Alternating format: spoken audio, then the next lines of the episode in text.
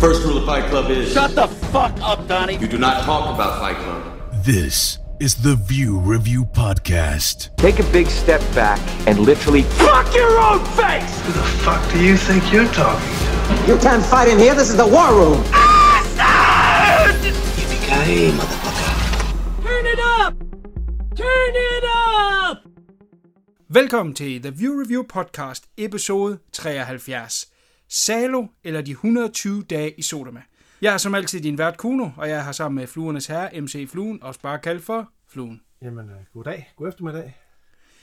Fluen, kan du høre noget, der knager i baggrunden? Ja, det kan jeg faktisk godt. Hvad fanden er det? Altså, Er det fordi, at den fortabte søn er vendt tilbage? Fuck ja. The Couch Killer himself, Christian Couch Killer, også bare kaldt for CK. Tak fordi jeg må være tilbage, eller tak fordi at jeg er tilbage, eller hvad man nu siger.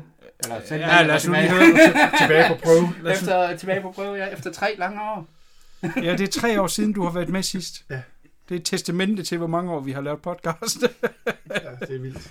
Det er helt vildt. Vi er øh, sammen i samme rum i øh, et view review studie alle tre, så der, der er nok lidt speciel øh, lyd og i forhold til glas og, og sådan noget der. Det er en varm sommerdag. Vi skal have noget væske ind. Så det er lige i forhold til lyden, men jeg håber, da, det er okay, at der kommer en god dynamik ud af det. Øh, CK, øh, du, du, du hoppede jo lidt af, både lidt frivilligt og, og lidt ufrivilligt, fordi du, øh, du gik lidt tør i øh, at se film, og, Ja. og der var ikke så meget liv i det øh, filmmæssigt. Øh, Jeg tænkte, jeg ville give dig lidt øh, albuerum, og så øh, bub, så gik det tre år. Det var måske lidt overdrevet, men sådan er det jo. Øh, men, men du har fået din filmglæde tilbage. Du fortalte mig lige inden vi skulle øh, i gang med det her, hvor mange film du har set år til dato. Og jeg kan så sige, at vi er midt juni nu.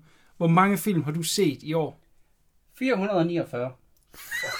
Jamen, det er jo sindssygt. Jeg synes, jeg har gjort det godt. Jeg er omkring 190 eller sådan et eller andet. Øh, Det, det er så, hvor mange dage, der har været øh, cirka i år. Indtil Nu har jeg også været utrolig corona-ramt. Altså jeg vil sige sådan, inden corona, der havde jeg jo de første to og en halv måneder, havde jeg nok sådan op på en 90 film eller sådan noget. Men så kom der jo en corona, og så, som så mange andre, så havde jeg jo heller ikke lige pludselig et arbejde. Og så kunne jeg jo kaste mig over film, og det har jeg jo så gjort. Og når jeg skal til at snakke om dem om lidt, så er det nogle af dem, der har været meget gode, og de fleste af dem er ikke med på det her podcast af den grund.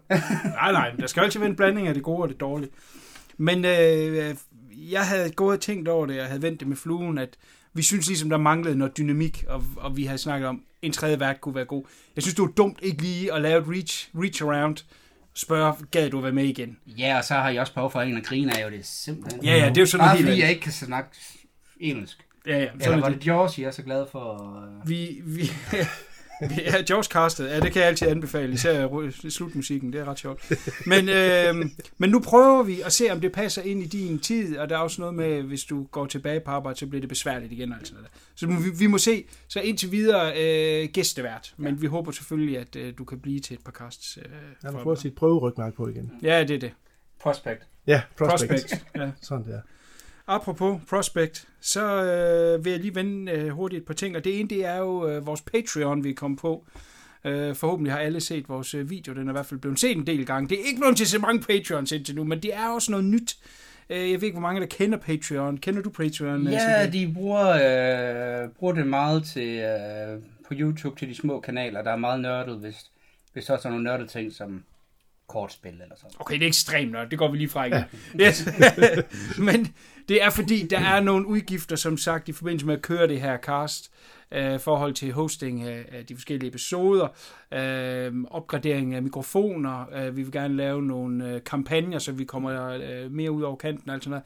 Det er noget, jeg indtil videre har betalt af egen lomme. Det er over de her øh, syv år, vi har været i gang. Øh, koster mig små 10.000. Øh, derfor så var jeg begyndt at tænke sådan lidt, ah, kunne man lave en Patreon en form for, ikke et abonnement, øh, episoderne vil altid være gratis, øh, det, det er sådan en ting, jeg har, altså, det skal altid være gratis at være podcast. Men en, en øh, en øh, tip jar, som jeg sagde sidst, en, en form for øh, drikkepenge, man lige giver, de laver et godt stykke arbejde, de har anbefalet mig nogle gode film, eller de er hyggelige at høre på, eller hvad fanden det nu måtte være, så kan man via patreon.com gå ind, finde os The View Review Podcast, og så kan man vælge øh, at støtte os. Øh, minimum trin, jeg så har lavet, er øh, 3 øh, euro, som er cirka 20 kroner. Der har allerede været en øh, utrolig øh, gavmild øh, øh, mand inden, en, en gammel kammerat af mig, har fordoblet det beløb. Det er jo, øh, man er jo helt rå, rørt til tror, at der er nogen, der vil smide så mange penge efter os måned. Øhm, men det er Patreon, og det håber vi, at I vil gøre, og det vil jeg nævne på øh, de næste podcast, både her, Tracking og Slash Horror. Øh, og det er ikke fordi, at det skal skovles et eller andet øh, guldmine ind. Det er for lige at holde os skadesfri øh, på månedsbasis og opgradere lidt udstyr. Jeg tænker, vi vil lave nogle specials på Patreon. Øh, I første omgang er det måske bare lige fraklip for vores cast, men der kunne også komme nogle specielle cast, der kun kommer på Patreon. Man kunne også forestille sig, at Patreons kunne øh, bestemme, hvad det var for nogle film, vi så og sådan noget. Så der er ligesom en gulerod i at være Patreon. Godt. Så var der en anden ting, jeg sagde i den video, som man selvfølgelig har set, og det er det her med, at vi gerne vil have reviews ind på iTunes. Det har stået stille så længe, og jeg har opfordret til det i lang tid, og så var der nogle podcasts, hvor jeg ikke nævnte det, eller episoder. Men jeg synes ligesom, lad os sparke i gang i det, og derfor så har jeg simpelthen sagt, øh, jeg giver en film for et review.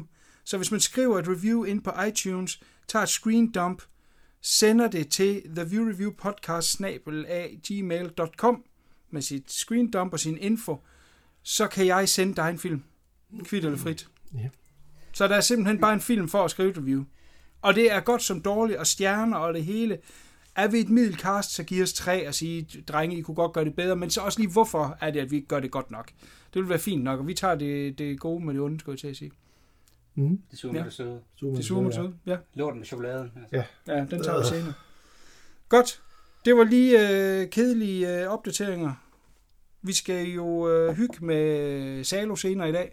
Hvad der ikke er blevet... Øh, hvad vi ikke har reklameret med i hvert fald, det er, at der er et lille bonus review. Nemlig, at jeg synes, det var dumt ikke lige at strejfe øh, Abel Ferrars film fra 2014, der simpelthen hedder Pasolini, når vi nu er forbi ham. Øh, det er jo ikke sikkert, at vi kommer det igen. Nej. Så kan vi lige så godt, øh, mens vi har bukserne af, øh, tage det hele med. Så øh, nu laver vi en god set siden sidst. Så hopper vi i Salo, og så kommer der lige til sidst in the tail end, ganske kort, lige øh, Pasolini. Det er dagens program. As, Mhm. as is.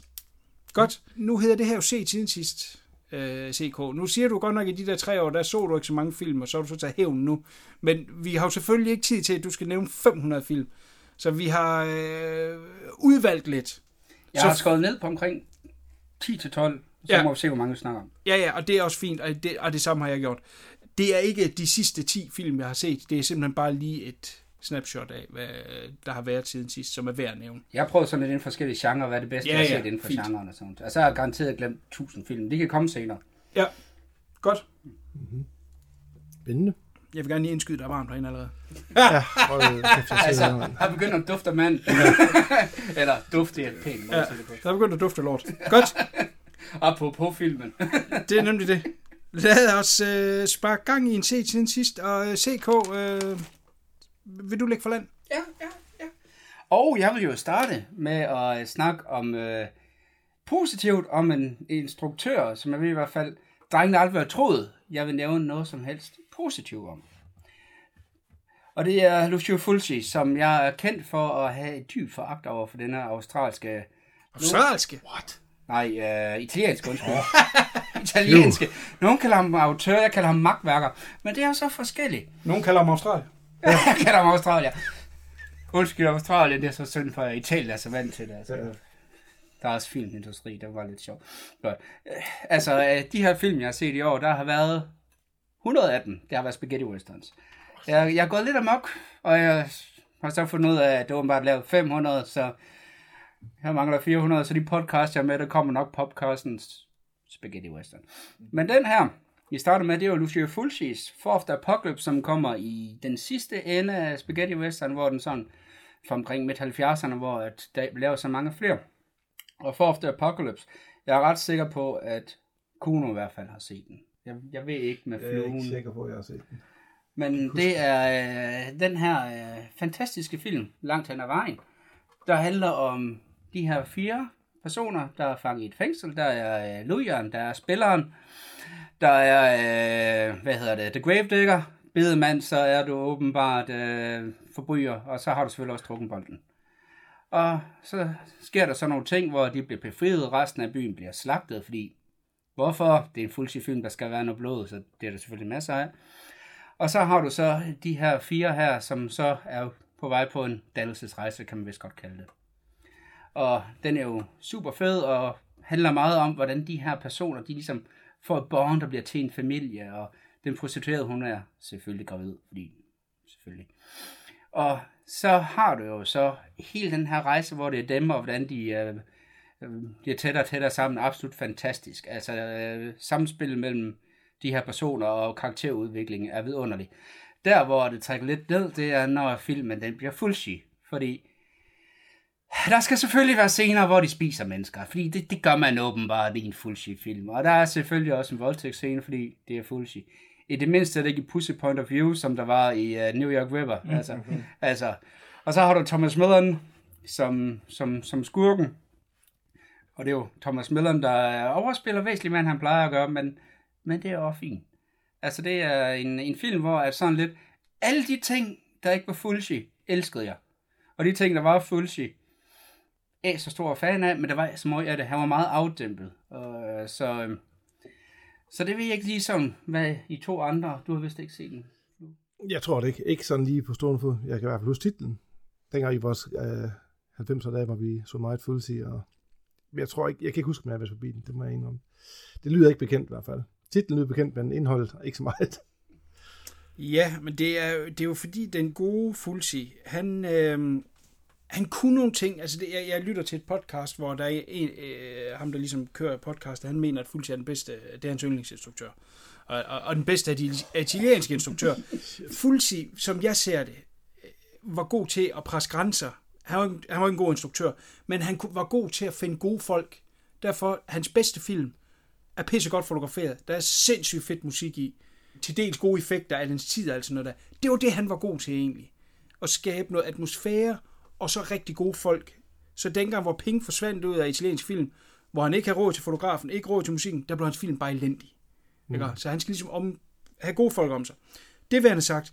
Jeg synes, Fourth Apocalypse er en rigtig god western, men du har ret, når der går lidt fuldsid i den. Når han går lige lidt for langt med, at for eksempel, jamen, der er en, der får spist øh, sin ene røvballe. Det er måske meget der på, hvad vi skal snakke om i dag.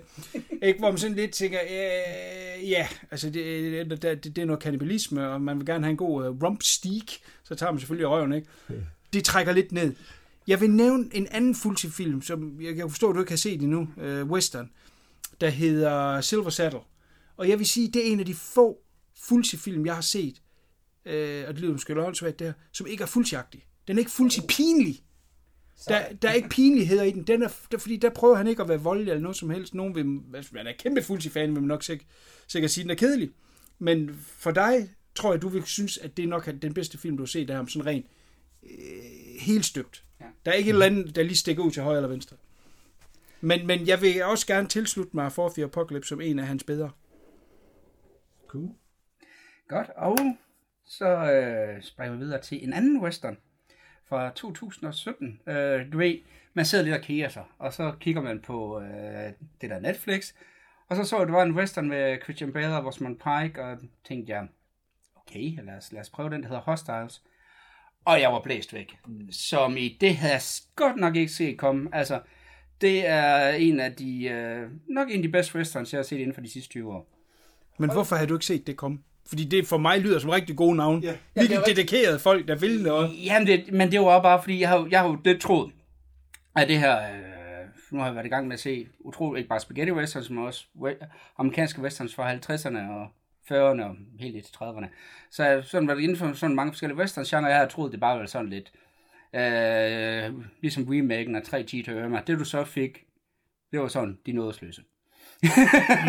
så det var det, det, det leger vi op i.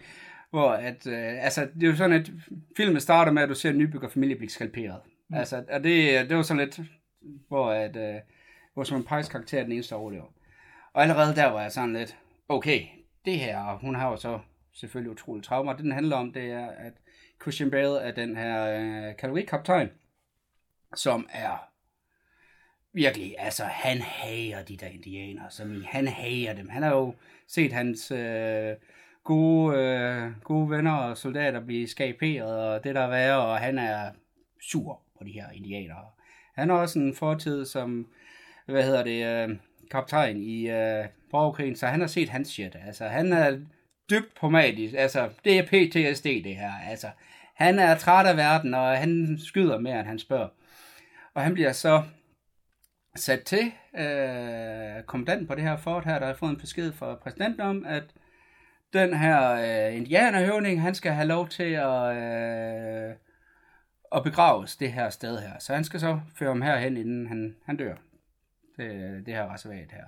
Og så handler filmen så om, om den her øh, rejse, og den er brutal og fantastisk. Altså skuespillet er eminent. Altså det er sådan Christian Bale, der er i Christian Bale form. Mm, ja. Og det er der, hvor han, altså, hvor at du kan se, han ved den her film. Altså, mm. det, der er sådan lidt, Christian Bale, jeg, jeg har sådan lidt med ham som skuespiller, der er, de her film her, han bare vil.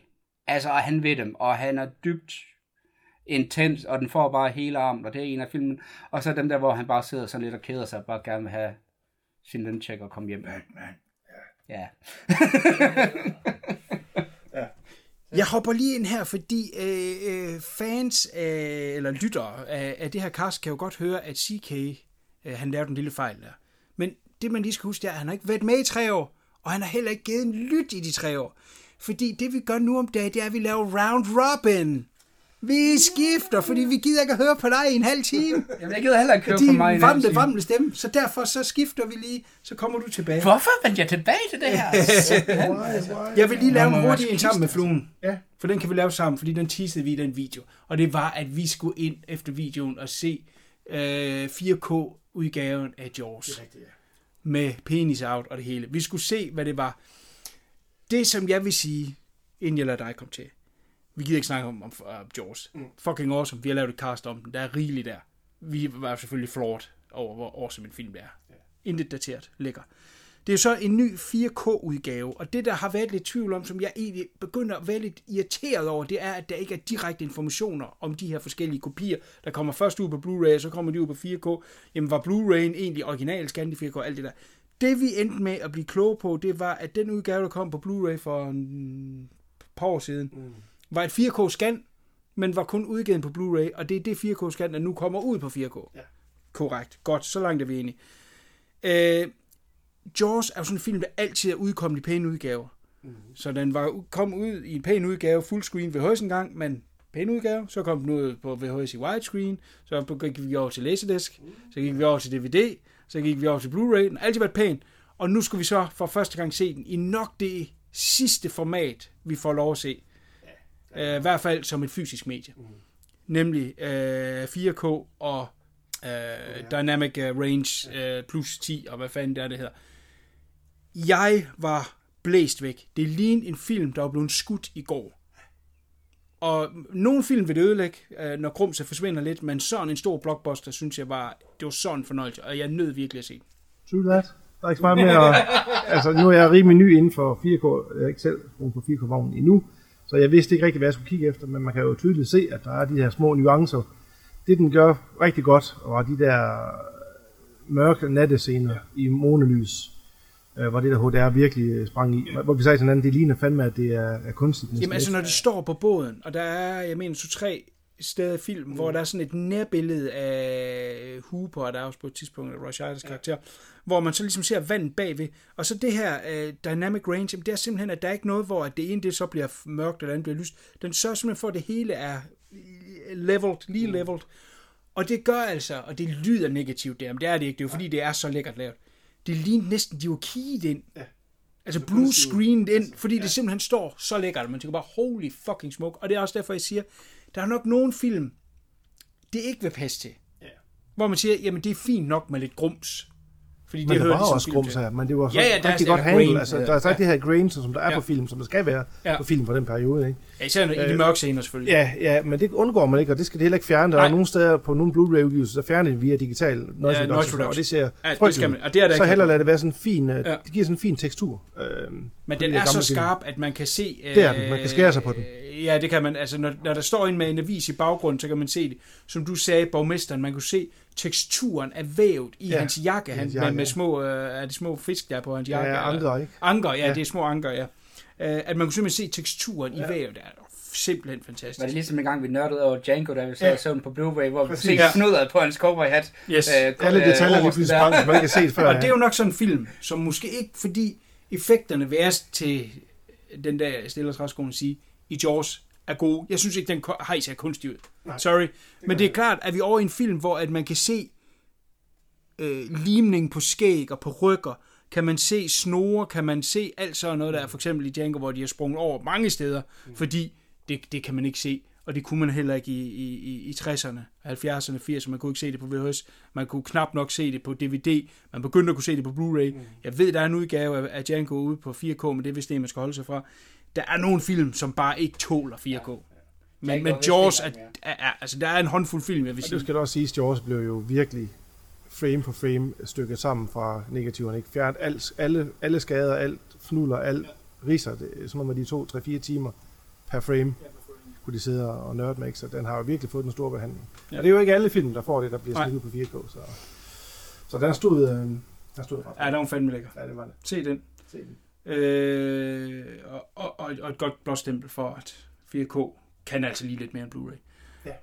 Fluen, vil du tage over med din egen lille Ja, film? jeg har ikke fået set så meget øh, livet alt det der, men jeg har da fået set lidt, og jeg vil da lige fremhæve på stykker, som jeg synes øh, er værd at nævne. En, en lille tysk film fra sidste år, The Golden Glove, eller Den Gyldne Handske, øh, som handler om den her massemorder, som huserede i, jeg tror det var Hamburg i 70'erne. Må jeg rette mig, hvis det ikke var det. Øh, og det her det er en film, en lille film, jeg havde egentlig ikke rigtig hørt om, før jeg har hørt lidt polemik om, omkring, at den skulle være meget voldsom og øh, kvindenedværdigende, og det er den også. Og Det er, det er sådan en film, når man har set den, har man lyst til at tage et bad. Fordi man føler sig rimelig som beskidt. Ja, Ja, ligesom Maniac og ligesom uh, Henry ja. Potter, serial killer, ikke? som også er den boldgade der. Der er ikke nogen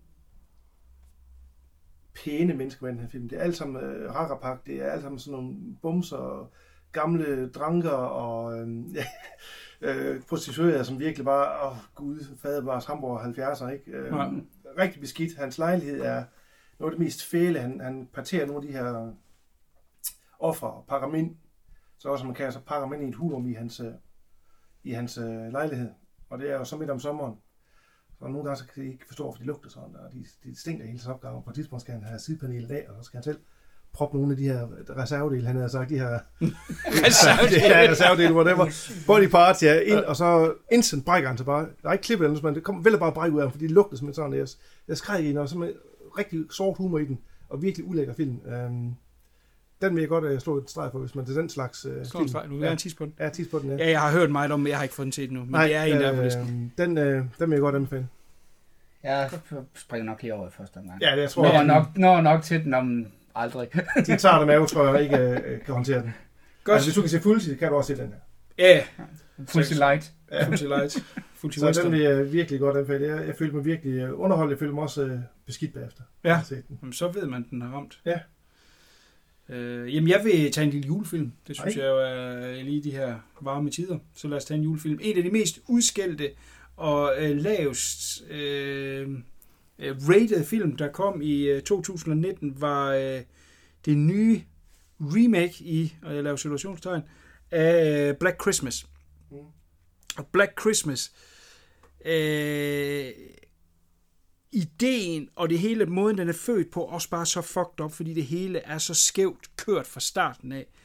Øh, Jason Blum, som er sådan det nye øh, store øh, øh, producentnavn, øh, producerer alle de her store hits, laver næsten kun PG-13 film, fordi så kan vi tjene rigtig mange penge, og det er få svipser, der har været i hans øh, kanon siger i et interview, hvor han bliver spurgt, hvorfor er der ikke øh, flere kvindelige instruktører? Og så siger han, jamen der er ikke nogen kvindelige instruktører, der gider lave horror.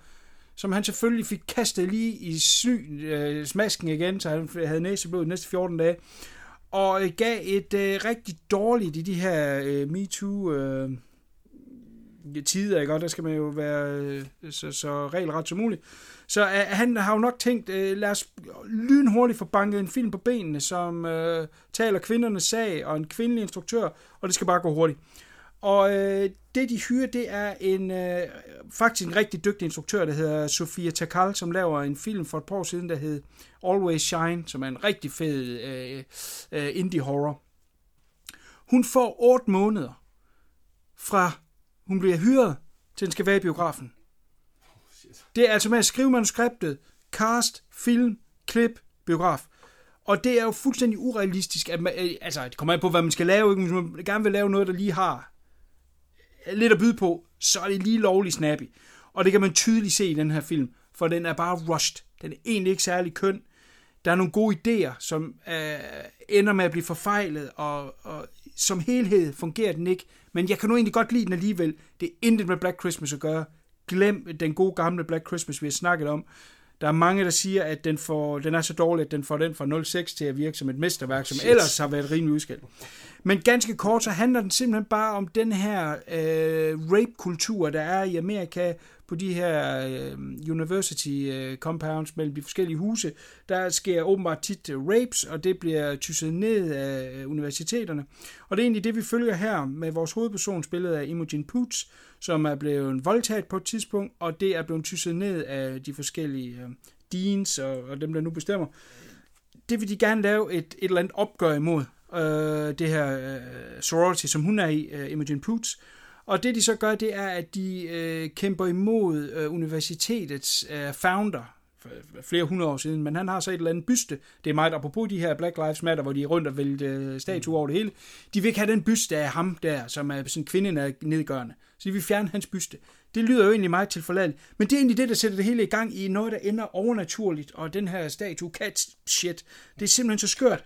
Øh, den burde egentlig bare handle om de her kvinder, der ikke gad mere og, og, og, og, og kæmper imod de her øh, doske øh, frat boys, som har raped dem. Og så er der åbenbart en af de frat boys, der går og myrder dem. Det kunne have været en fin lille Black Christmas. Mm. Men den går simpelthen galt ved, at det er, at alle mænd er svin og øh, vi vil kun rape de der piger, og um, vi kan ikke bruges til noget, og den, den, den kører simpelthen skævt på en eller anden måde, og det synes jeg er ærgerligt, fordi første halvdel af den er faktisk rigtig sjov. De her piger virker som gode veninder, så sådan halvdelen af den er, er god, og så den sidste halvdel er bare bag, virkelig bag. Så det er sådan ærgerligt, at den ikke lige helt fungerer, men jeg synes, den er okay. Der er intet jul over den, selvom den hedder Black Christmas, der er lidt julelys og alt sådan noget der. øh, en af de store øh, horror suspense scener, der er i den, er stjålet direkte fra øh, Exorcisten 3, så kan I nok selv regne ud, hvad det er for en scene fra Exorcisten 3.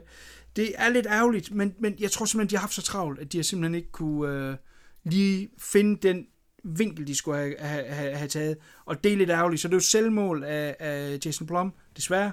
Øh, men jeg vil godt slå lidt på trum for den, og jeg synes, den er seværdig alligevel. Du sidder med et slæsk smil der og Ja, ja, ja, uh, jeg har onde tanker. Det er fordi, jeg har taget din kuglepen fra dig. Ja. Den larmer, den larmer for mig. Godt, hvad har du? Jamen, det er så lidt sjov grund til at smile lidt. Det er, at nu snakker du om, at åh, de havde kun 8 måneder til at lave en film. Det næste, vi tager og snakker om, det er, de havde to uger til at lave den, hvor den første uge, de gik på manuskriptet. Og instruktøren var ikke, som også skrev filmen, øh, bad hele tiden crewet og castet om at blive ved med at komme med idéer til, øh, til dialog med videre, og hvad der skulle ske i den her film. Det er øh, en, en film, som har været væk i utrolig mange år, og så for et øh, par år siden fandt de øh, øh, en, en lost udgave af den, hvor at øh, det startede med at være en PG-13 rating, og så fandt så det her scene, hvor det blev til en, en slasher-film. Og vi snakker om Tammy and the T-Rex. Ja, jeg glæder mig som... Ja, det har jeg ventet på at snakke om i lang tid, det her. Uh, jeg sad og som en af mine, mine venner, og vi havde en fest. Altså, det, den er jo... Altså, vidunderligt magtværk. Altså, det, det er sådan en... Den er så dårlig, og den er så forfærdelig, og jeg elsker den. Altså, plottet... Det, der skete, det var, at øh, instruktøren, han havde en af hans venner, der havde forlystelsesparken i, i øh, Sydamerika et sted. Og så havde han den her mekaniske T-Rex, som vi skulle forbi USA, og så kunne han lige låne den i to uger, og så var det derfor, at han havde to uger til at lave den her film her. Og øh, den har øh, unge stjernesprø, den er fra 92-94 stykker deromkring. Den har en meget, meget ung Paul Walker og en meget, meget ung Dennis Richards i hovedrollerne. Og det er jo to pæne unge mennesker at kigge på jo. Det var de dengang i hvert fald. Vi indskyder lige, at det er ikke Dennis Richards, det er Denise Richards. Det er jo, det er jo, vi har fået CK tilbage, vi har fået CK tilbage, som ikke kan finde ud af at udtale navn, så vi kommer lige ind en gang imellem med kommentarspor. Ja, en ting, der er sket meget på de sidste tre år, jeg begynder at bande utrolig meget mere, end jeg plejer at gøre det, fordi jeg bliver gammel. ja. Så der kommer utrolig meget Fox. Det er godt, vi er arbejdet. Altså, håber jeg det, ellers så er det nogle stakkels små familier, der får lidt svært. Ja. Fuck ja. Godt, hvor kom vi fra inden... Øh... Jo, og plottet er jo, at øh, Paul Walker og Dennis Richards, de er, de er et kærestepar, og hun har sådan en ekskæreste, som er, øh, er lidt en småpsykopat, så han tager på et tidspunkt, kidnapper Paul Walker, tager ud til noget, der ligner Ræ Park, smider ham derud, og så bliver han net af en øh, løve, og så bliver hans chancer så sat over i en mekanisk T-Rex af en gal videnskabsmand. Og så går den her T-Rex så på et kombineret helt vil gerne have kæresten tilbage igen, samtidig gerne vil slå de her onde onde ihjel, som har fået ham til en leve i noget, der ligner Ræpark. Ja, og så kører den derfra, og den er altså vanvittig. Altså, den starter med en testicular standoff. Ja. Hvor at, jamen, den, den scene er så fantastisk. Du har øh, skurken og Paul Walker, der står over for hinanden, og så griber de fat om hinandens peniser. Hvor der så kommer to øh, politibetjente, der skal stoppe der. De står der og holder godt fast. Og Paul Walkers karakter står bare og griner. Og øh, hvad hedder det? Skurken der, han er i store, store smerter, og så har du så den ene, en betjent, der siger til den anden, I guess you have your testicular standoff. Meget, meget kendt hverdags ting der. og, så, og så står de sådan der, og, og så kigger hende betjent over på, på Walkers karakter sådan lidt, Son, you must have the smallest penis in the world, så når faldt det, hvor på vores karakter kommer så store smilende, I got a cob on! Og det er det niveau, vi er på hele filmen igennem i halvanden time. Hvis du synes, så noget er sjovt, så er det her film for dig. Den er fantastisk, den er vidunderlig. Hvis du synes, det er, det er, det er for lavt niveau, hold jer langt væk. Men kæft for den sjov. Det var... Øh, åh. Og så har den... Slutter den af med den vildeste PG-13 striptease, jeg nogensinde har set. Vi snakker, øh, ja, øh, nu er jeg ikke lige, altså de sidste 30 sekunder i den her film, er noget af det mest vanvittige, jeg har set. Altså, det øh, skal ikke spoil sig, men sidste 30 sekunder, wow. Er det Dennis Richards, der, Ja, der stripper? Men- det er men Dennis det, Richards. ja, fuck ja. men, og det gode er jo, altså det er jo en PG-13 mm. striptease, så hun står og stripper uden rigtig at smide tøjet. Og så er der nogle andre ting i, i den scene, som er absolut fantastisk. Altså det sidste skud i den film er genial. Varm anbefalet, hvis du er til sleaze. Det er øh, den dårligste gode film, jeg har set de sidste, siden sidste podcast. Men undskyld mig lige et øjeblik, er den lige, lige kommet Jo. i en uh, R-rated uh, uncut? jo, det er den, Er den, den, den, den, har set? den, jeg har Okay. set her. Okay. Yes, den er Det var, fordi du ved med at sige PG, og så tænker jeg... Jamen, det, er- det, er, det er jo fordi, at du har øh, stripscenen er jo stadigvæk for PG-versionen. Ja. Så du har... Så de har filmet R-rated ting? Ja, det er det, der er kommet ja, ind i det, det, det, Okay. det, der er arbejdet. Så Det, det, så, det, så det er gået for at være Ja. ja. en, en PG-way. Og det svede er, når du ser den her film, kan du ikke forestille dig, hvordan den nogensinde har været PG-rated. Fordi den har altså... Så vil den ikke give nogen som helst mening, hvilket den heller ikke Gør. gør. Men så vil den slet ikke give nogen mening. Så øh, det er, hvis man har brug for en øh, hyggelig øh, dag sammen med drengerne, og bare vil drikke nogle, øh, nogle bajer og hygge, og bare vil have en film, man kan grine af i baggrunden, så er det den. Det vil sige, når alle andre film er brændt i verden. Så er det, Ja, så er det den, så er det den sidste. Så det Ej, den jeg, jeg, jeg, synes, den er sjov. Jeg vil, ikke- jeg vil Ja, godt... Øh, det kan være, at man lige ser den.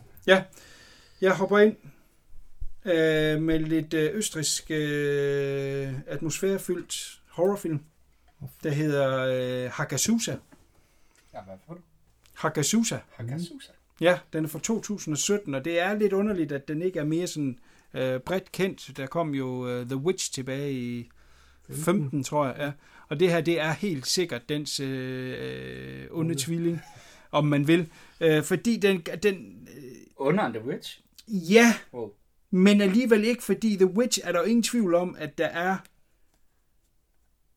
en heks, som kan noget. Er vi ude sådan noget hereditary, øh, jeg får meget resten af mit liv, noget?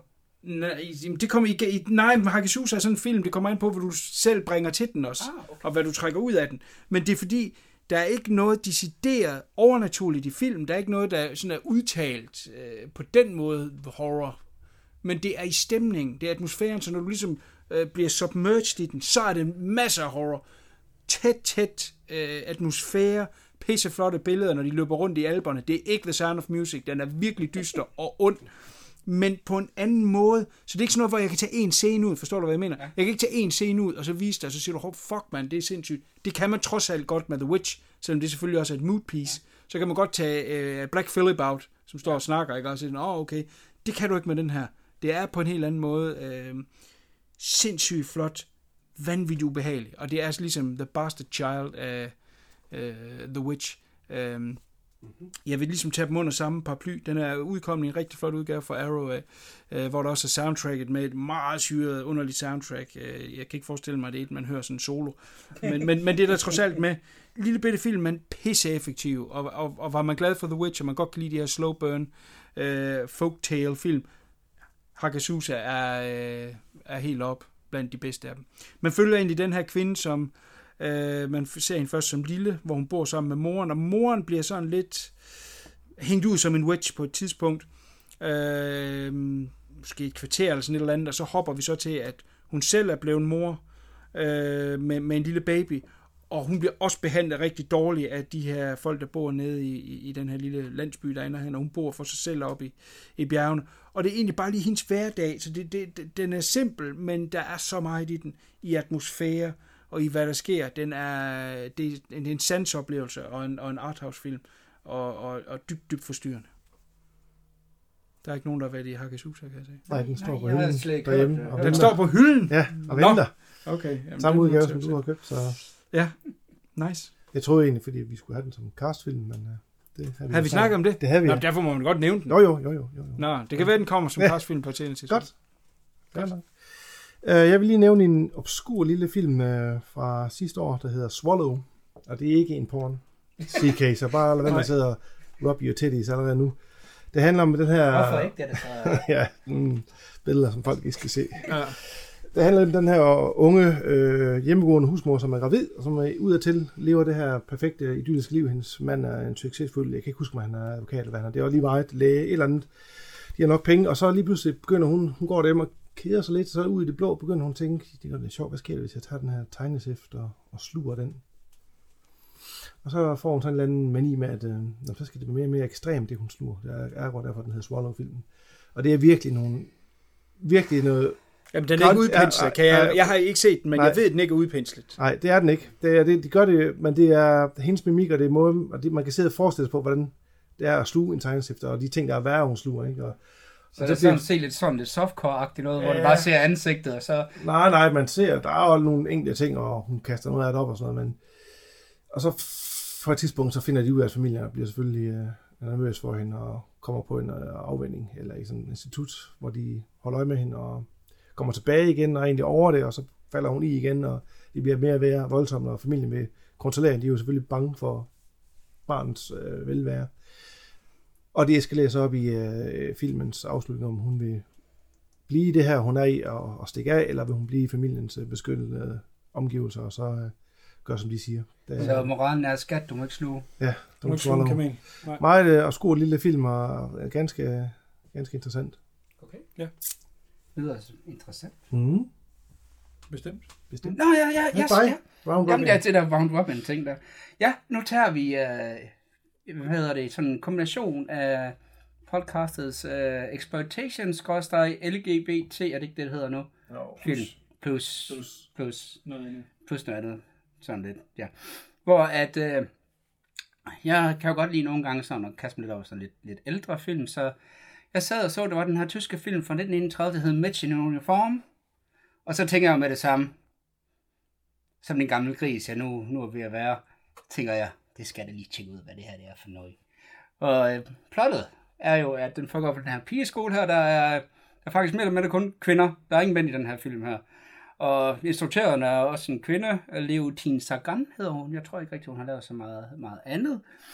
Og, og den, altså, den er jo fra 31, så det er begrænset, hvor sleazel den er. Altså, der er der et passioneret kys og sådan noget. ting. Men handlingen er, at du har den her øh, unge teenage der bliver fælsk i hendes lærerinde, og lærerinden, hun er ikke så god til at få den lukket, så hun spiller også lidt, lidt op og sådan nogle ting der. Og, og det, det er sådan lidt, det der gør, at jeg nævner den her, og jeg var vild med den, det er, at det her, det er tysk ekspressionisme, som i, hold nu fucking kæft, hvor er den lækker filmet. Altså, du har de vilde skæve kameravinkler, du, du har de fantastiske baggrunde, altså, det er lidt ligesom, at nu er jeg jo stor fan af Fritz Lang. Ja, Bo, jeg har lært at udtale Fritz Lang. Fritz Lang! Ja, Swang. ja som en, en, der lytter til det her podcast, er irriteret, meget irriteret om en måde at udtale navn på, som alle andre i verden er. Ja. Åbenbart. Og øhm, så fucking lækker. Godt filmet. Fantastisk. Og øh, hvis du godt kan lide øh, at, at se, hvordan køns, øh, ja, kønsroller, ja, altså se, se, hvordan at du faktisk har en film fra 1931, som ikke er fordømmende over for den her unge piges seksualitet, hvilket er jo absolut fantastisk. Altså det, det, det er sådan, hvor at den er meget åben over for det, og det er jo lidt sjovt, at når man tænker på, at den er øh, fra 31, og øh, nu havde så, at den blev så klippet om, fordi der var en, en vis Hitler, der kom til magten. Så den blev klippet om, hvor slutningen blev radikalt ændret til, at det blev sådan noget, øh, sådan noget pro-nazisme. Øh, øh, og den udgave skulle absolut forfærdelig, den har jeg heldigvis ikke set. Og øh, det meste er, er castet, øh, dem som ikke nåede at, at flygte der i 637, de endte så i sin koncentrationslejr desværre. Så, så det er lidt, lidt trist. Men hvis du øh, prøver at se en, en film om det at være en teenager, der har det lidt hårdt, så er den god. Ja. Godt. Mm-hmm. Lad os blive det tyske. Ja. Ja, Jeg Wolven, Freund. Party Hard, Die Young.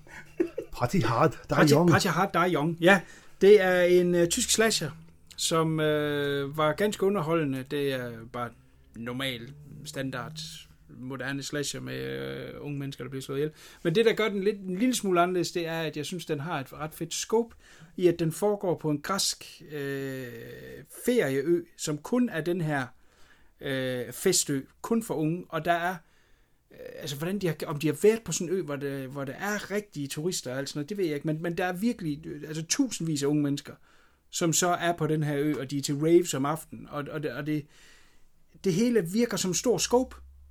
Forstår I, hvad jeg mener, ikke? Altså, der er hele tiden fest og gang i. Det er ikke bare sådan noget, hvor vi lige har en startscene, og så følger vi bare lige de her tre, der går på nogle øh, gange eller ude i skoven.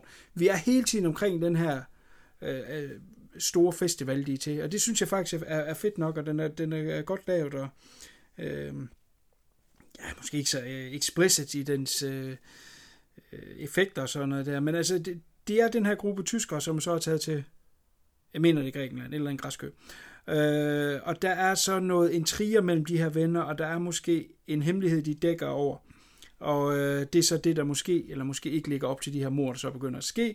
Hen mod slutningen bliver det sådan lidt sygt, lidt ala Salo, hvis man øh, øh, kan Nå, regne, jamen, regne så- den ud, hvad det er over i. Nej, det er ikke noget med, at de spiser pur og sådan noget der, men der, er- der er lidt med ydmygelse og sådan noget der, som måske kunne have været med i Så det er lige på knæ og sige som en hund. Det er, det er lidt derovre. Jeg synes faktisk, det er ganske underholdende. Den er godt lavet, hvis man godt kan lide uh, slashers, og, og, og, og savner lidt, at de moderne slasher godt lige må have lidt mere. Så den her i det mindste havde et stort scope, uh, og, og er teknisk godt lavet, og, og masser af uh, dut, dut, dut, partymusik. Så den var, den var fin underholdende. Uh, Party Hard, uh, Die Young, det, det må man sige, det lever den op til, uh, den titel der. Bestemt. Var det på Tubi? Nej, Nå, okay. det var det ikke på Tube. Jamen, jeg vil lige tage en lille øh, thriller-agtig film af øhm, I See You fra sidste år. Øh, også ude fra Arrow lige pt. Ja, I See You. Men så er der med, at man ser en, øh, man ser en, en 12-årig dreng cykel på vej hjem fra skolen, tror jeg det er, og så bliver han meget voldsomt hævet af cyklen bagud, som en eller anden kraft, der har fat i ham, og simpelthen får, flår med af cyklen, og så forsvinder han. Og så den her øh, lead investigator, der så bliver sat på sagen, øh, som så sad, samtidig kæmper med noget ægteskab, der er ved at gå i stykker derhjemme, med spillet af Helen Hunt. Og hende skal vi lige tilbage til mig øjeblik, fordi god damn, hvad der er sket med hendes ansigt. Ja, det har jeg. Hold kæft, hun kan jo ikke fortrække en vin. Hun er jo fuldstændig lavet om i ansigtet. Ja, Botox op, ja. Botox. Nej, det er jo frygteligt. Jeg kunne ikke andet se det ansigt for mig hele tiden. Det er fuldstændig distraherende. Nå, men de to øh, har det her derhjemme, og så sker der noget med deres øh, hus. Samtidig der er et eller andet med en intruder, der er efter hans søn lige pludselig, og så lige pludselig så twister filmen, hvor man tror, det er noget overnaturligt, man tror, det er et eller andet, det her, det kan ikke regne ud. Og det kan man ikke, for der kommer en eller anden twist, der så viser sig at være noget fuldstændig andet, end det man går og tror, det er. Så den vender lige rundt, øh, og bliver så sådan en ganske god krimi, thri- crime thriller. Thr- thriller. Crime thriller.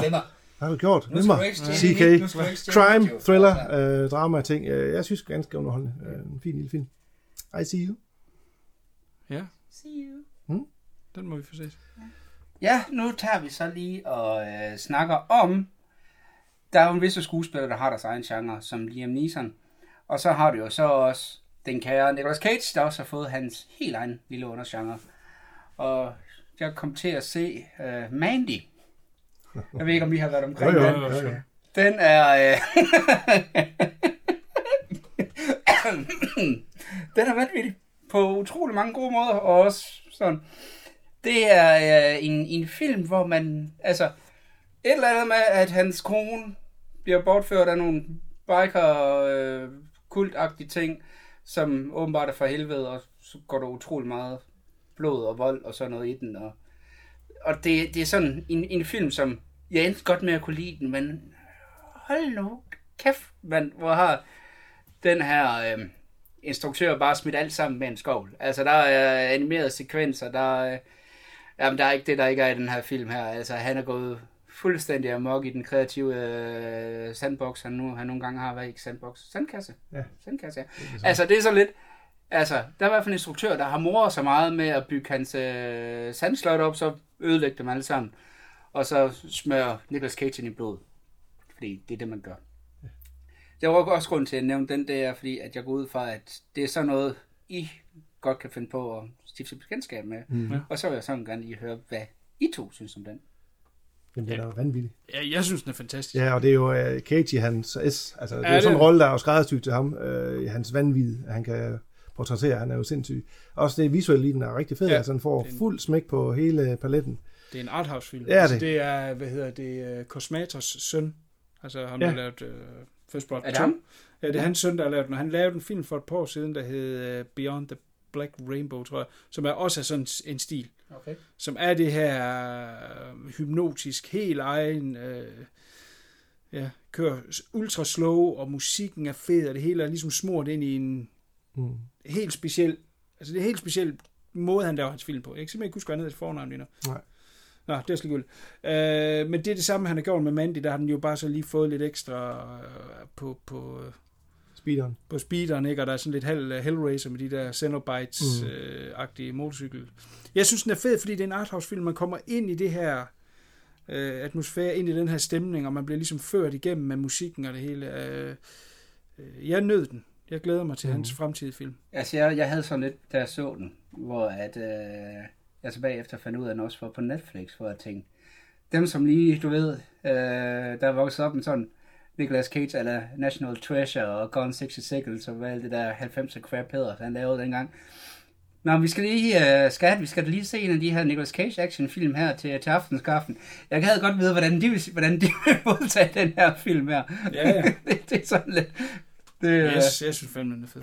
om jeg, kunne- jeg kunne godt lide den, men jeg var også bare en, hvor jeg bare tænkte, what the, altså, nødt til sådan, er det her en drøm, eller sker det her virkelig? Fordi, altså, jeg må bare, altså, jeg har aldrig nogensinde troet, at jeg skulle se en, en duel, hvor øh, de slås med motorsave. Det, det har du også. Det er en film, der har næsten alt. Og Altså, der er Texas Chainsaw 2. Ja, jeg vil sige, også, ja, ja. der er også uh, Tiger on the Beat. Ja, ja. Tiger med Chow Yun Fat.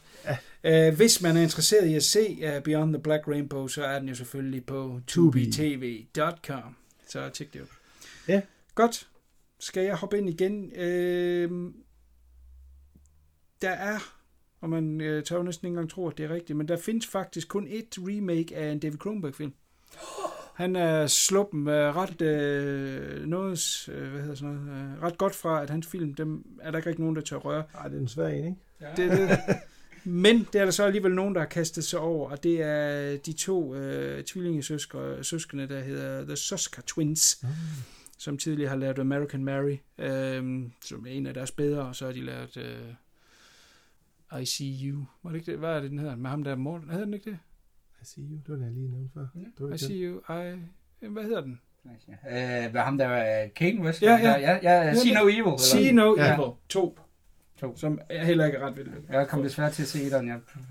Etterne er underholdende. det skal vi ikke snakke om nu. Ja, det, det, det, Shut up. Der er kommet Nej. meget mere stram uh, narrativ på, siden du har været der sidst. Nå, øh, men de har sat sig for at genindspille uh, Rabbit, som var hans anden film, så vidt jeg husker. Uh, som er den her uh, ja, en halv virusfilm, ikke? med den her kvinde, der er i et uh, motorcykeluheld, og så kommer hun ind og får noget uh, alternativ behandling, og det gør så, at hun øh, skal vi sige, øh, på bedste Kronberg-vis øh, muterer, altså hans body horror, øh, og det kræver, eller gør så, at øh, hun begynder det her morderiske togt.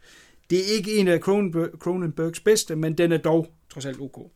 Øh, jeg vil hellere have, at de prøver at lave sådan en remake, end at de prøver Dead Ringers, eller Videodrome, eller hvad fanden det nu ellers måtte være. Kan man ikke bare tage fluen, fordi så sætte et remake? Altså, Jo, jo, men, jo, jo, men han satte jo en ret høj bar for remakes med fluen. Ja, det kan vi blive enige om. Nå, øh, den her er simpelthen så svag, og så billig lavet.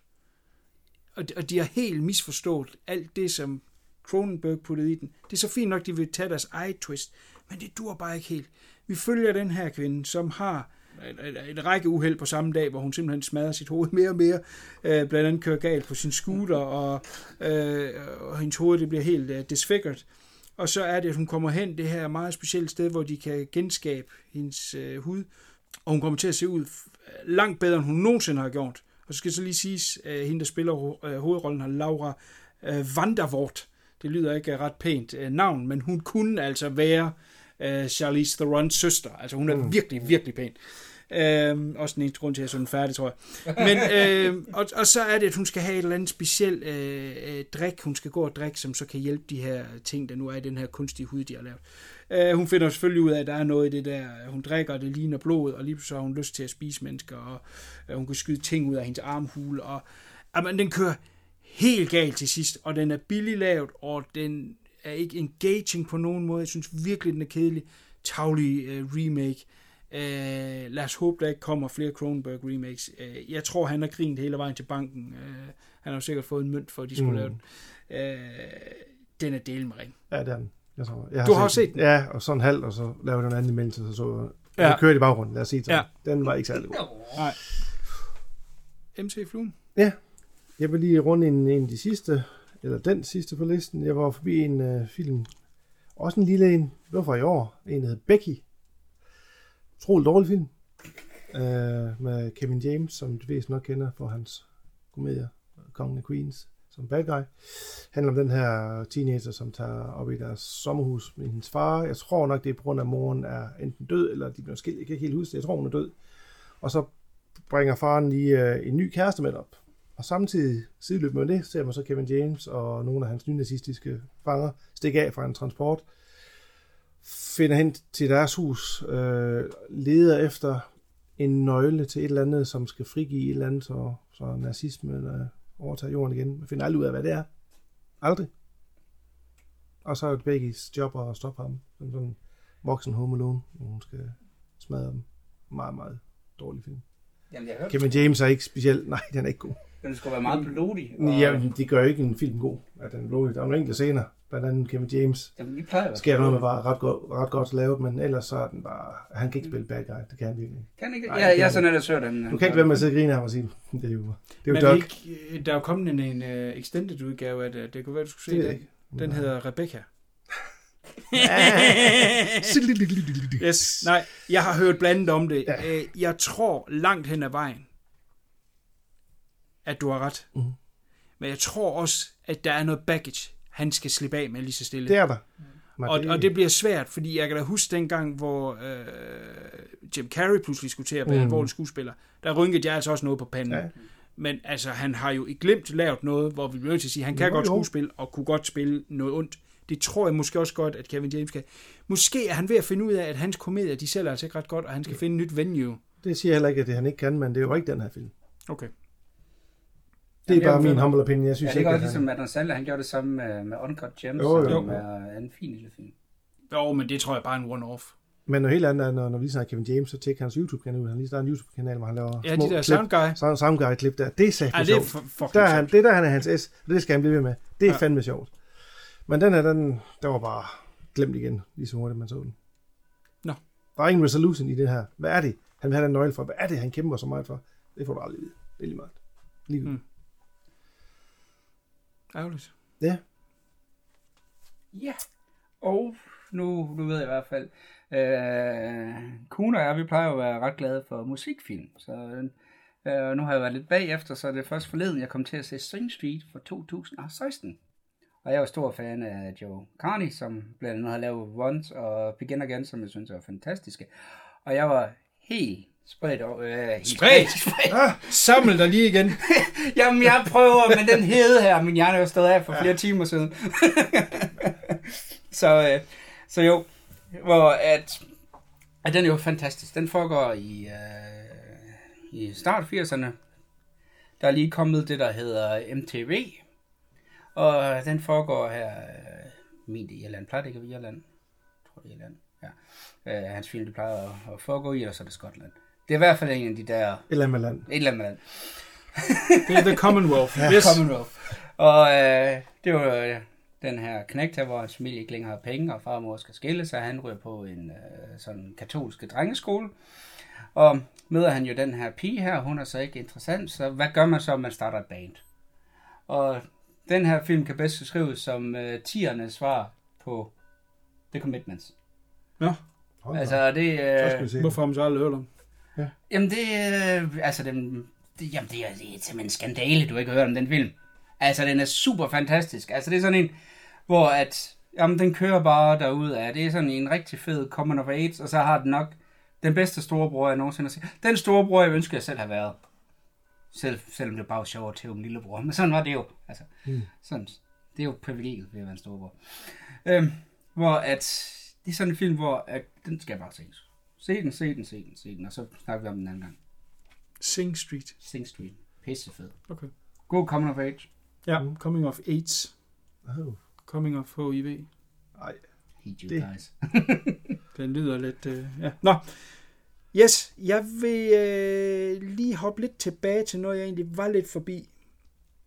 Da vi snakkede øh, Hagasusa med de her øh, folkeeventyr øh, med Gretel and Hansel, mm. som er øh, den nyeste film for uh, Os Perkins, som er øh, Anthony Perkins søn, som jo er blevet en øh, åbenbart en ret god øh, filminstruktør, lavet den, der hed, fremragende film, der hed Black Coat's Daughter, også kendt som February, og så lavede han den, der er på Netflix, som har en lidt fucked up titel, I'm the prettiest thing that lives in the house, eller sådan noget. Eller Nå, den dur i hvert fald.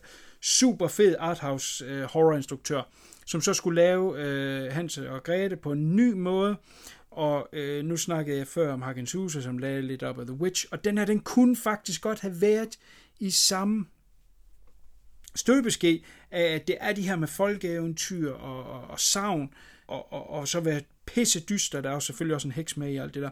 Men der er nogle ting ved den, som ikke helt øh, fungerer, og det er blandt andet en fucking voiceover. Der er en voiceover hele tiden følger, øh, det må så være Gretal, som øh, skal fortælle hendes tanker, og hvad jeg vil gøre, nu gør jeg det, nu gør jeg det, øh, nu øh, hjælper jeg min lillebror med at gøre det. Det bliver ligesom skåret så meget ud i pap, og det var lige nøjagtigt det, der fungerede ved de to forrige film, han lavede, at det var de her arthouse-film, man ligesom kunne blive tabt i, og, og, og opleve indenfra og ud. Her, der får du bare det hele serveret med noget voiceover. Jeg synes, det ødelægger lidt en film, der kunne have været rigtig fed, for den er pisseflot. Den er mega dyster. Og det er Alex Creed, der spiller den her øh, heks, og hun er mega creepy og øh, virkelig fedt. Så den har så mange plusser øh, for en, skal vi sige, moderne horror-fortælling øh, af, af grimme eventyren. Men de fucking voiceover ødelægger altså lidt meget for mig.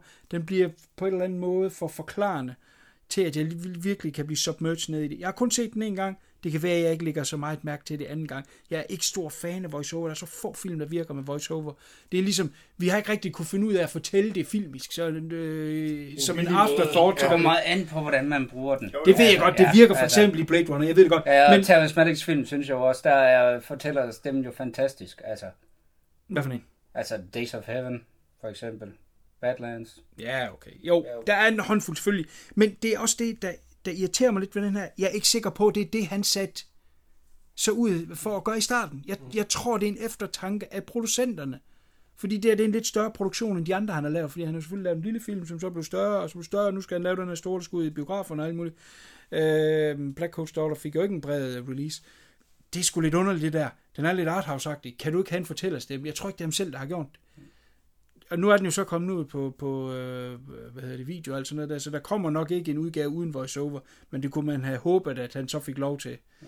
når han ligesom har kørt biograf. Men jeg vil stadigvæk anbefale den. Den er altså flot og har masser af stemning, og det her eventyr, på, som man kender, man ved jo egentlig, hvad det slutter med, men det er bare på en meget skæv øh, måde. Er lidt horror, er lidt øh, eventyragtig øh, samtidig. Men så den har egentlig det hele. Øh, alle kan være med på, så kan vi skræmme væk af det. Øh, men, men har lige med, at det der voice-over der, det kan sgu godt blive lidt øh, dusk. Har du været forbi en flue? Ja, jeg synes øh, også, det var ganske fint. Det var, jeg ikke meget, knap så meget med voice overen, synes mm. jeg. Øh, jeg har også kun set den en gang, men dig ret, den har virkelig øh, altså meget mørk, dyster. Også i den bedre øh, ja.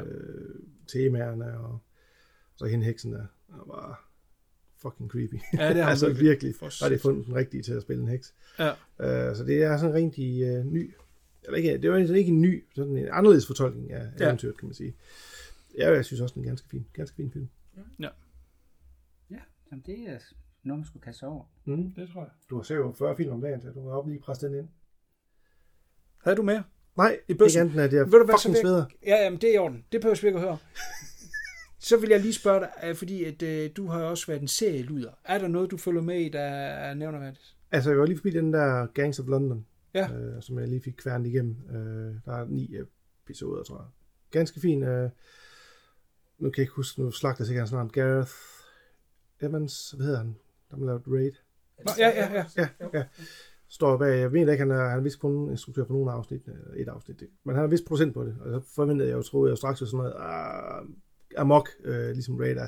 Altså, til dels også nogle enkelte scener, der er, men der er meget mere, meget mere drama øh, i den, som, end jeg havde forventet. Mm. Super voldelig og, og rigtig fedt skuespil af, af alle dem, der er involveret i den. Så det er sådan lidt mere apostel, vi er ude i.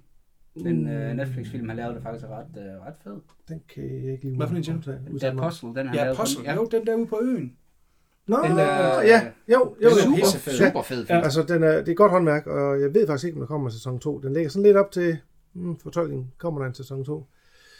Øh, men ja, den er ganske fin. Og har jeg set andet seriemæssigt? Åh, oh, det har jeg sikkert noget glemt af. Jeg har ikke skrevet dem ned. Nej, men det er orden. Jeg kan lige hurtigt smide en serie på, selvom det ikke lige er min tur lige nu, men øh, Viaplays øh, øh, spin-off, eller egen udgave af Den, som dræber, som var den her TV2-serie, Mhm. mm. der ikke var så vellykket, synes jeg i hvert fald. Den blev så også cancelled.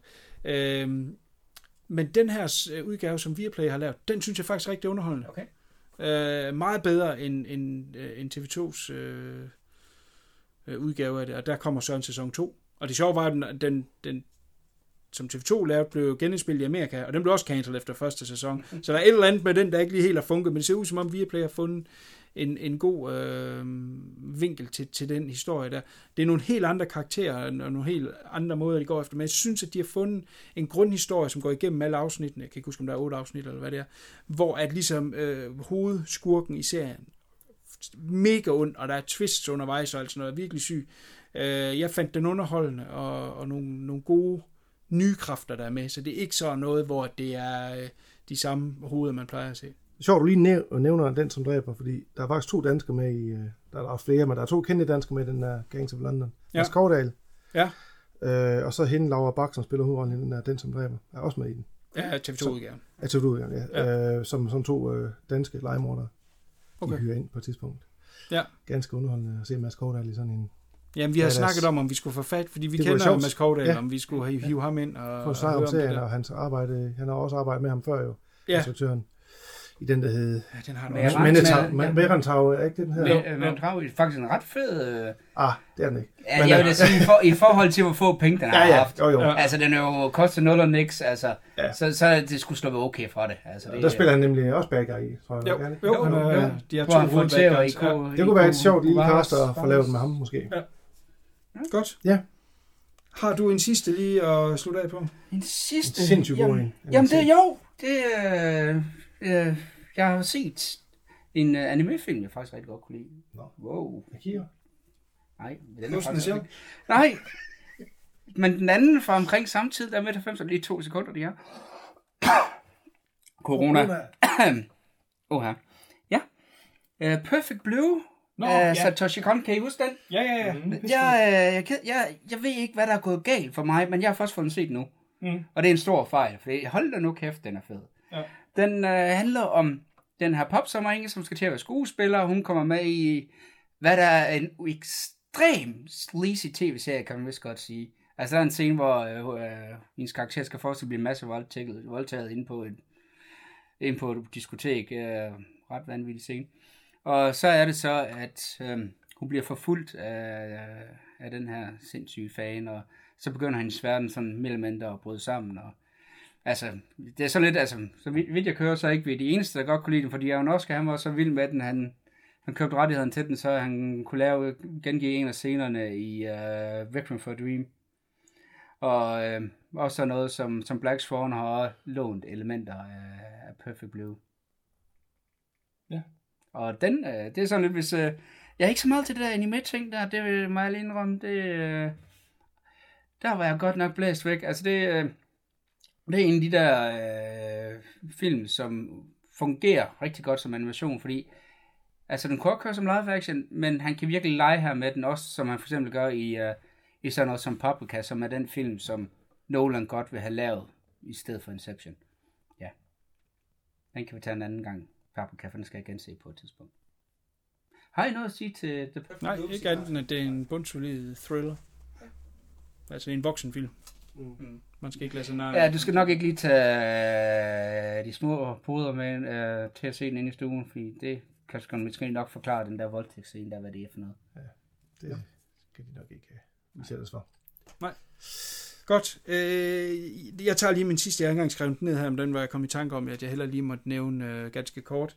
Øh, We Summon the Darkness, som er en øh, film, der kommer lidt i en trend af de her Satanic Panic film, der er ved at komme. Der kommer en sidste år, der faktisk hed Satanic Panic, som jeg ikke var helt solgt på. Det var den her panik, der kom af satanisme øh, i øh, 80'erne og øh, slut 70'erne, start 80'erne med øh, heavy musik, og også de film, som vi godt kan lide at se, at åh, så må de godt nok være satanister, og der kom øh, alle dem fra Bibelbæltet, der sagde, at det skal lukkes ned, og vi skal have flere restriktioner, og jeg ved ikke kraftedeme ikke hvad. Øh, Al Gores kone, der Tibi Gore, som skulle lukke alt ned, og der kom explicit på alle CD'er, altså noget. Det er det, der ligesom kom ud af det. Og der kom så den film sidste år, og så er der kommet en i år, der hedder We Summon the Darkness, hvor man følger de her tre piger, som er øh, metalhoveder, der er på vej til en øh, metalkoncert. De møder øh, så tre øh, til den her øh, koncert, tre øh, drenge, øh, og finder ud af, at de skal feste sammen. Vi får så at vide, at der er nogen, der øh, er sataniske morder, der går rundt og myrder forskellige øh, mennesker i, i, i staten der, øh, efter et eller andet satanisk øh, ritual. Øh, og så er det jo så, øh, er det drengene, eller er det pigerne? Øh, hvem er det, der er det her? Øh, ikke det store twist. Øh, måske heller ikke så spændende. Øh, Johnny Knoxville spiller en alvorlig rolle her i. Det er også sådan lidt... Nu snakker vi om, hvem man kan tage seriøst. Åh, nej. Jeg ved ikke lige helt. Øh, den prøver at være sjov, og prøver også lidt at være alvorlig. Jeg, jeg synes, den falder lidt mellem nogle tapparater, og ikke helt leverer det, den kunne, hvis de lige havde spændt sig an. Den har den utrolig dejlig, og det er nok også derfor, jeg så den, øh, Alexandra øh, Daddario øh, med, og hun er altså bare en...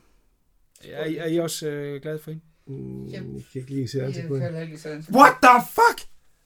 Vi står på castet. Ved I ikke, hvem det er? Jo, når vi ser hende nok. Ser hende nok. Ja, fordi hun har nogle af de, de mest øh, genkendelige øjne.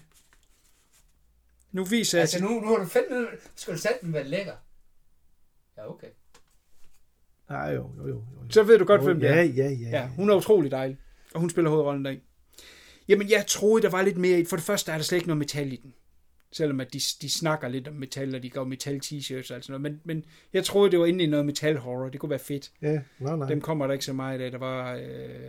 Rock Roll Nightmare med Thor. Ja, ja, nej, nu tænker jeg mere i nyere tid. Der var den der, hvad hedder den, uh, Devil's Candy, der kom for en Mm. to års tid siden. Og sådan noget. Der, der kommer noget i ny og næ. Og det troede jeg, den her, den var, det kunne være sjovt med det her uh, Satanic Panic-agtige. Men den leverer sgu ikke helt. Den er udmærket at se, men det er, det er nok en teenagefilm, når det kommer til stykket. Er det ikke Sok, den hedder, den der øh, vampyr øh, met, spoof øh, metal-ting? Er det Med Alice Cooper. Er det ikke metal, eller er det bare rockmusik? Jeg kan ikke huske. Det er i hvert fald ikke metal, hvis det er Alice Cooper. Nej, gå ind der. Fuck dig. Den har jeg desværre ikke set. Min Jeg så, catchphrase. Fuck dig. jeg så faktisk, øh, sjovt nok, nu kommer jeg til at nævne en film mere, men jeg så faktisk en film med, uh, hvor Anthrax har lavet uh, musik til, og uh, forsangeren Joe Belladonna, han spillede uh, morderen deri. Oh, for ah. ja. På Tubi TV. Det var det. Ja, Okay, seriøst, drenge, får vi, får vi vold til det der to til Nej, nej. vi?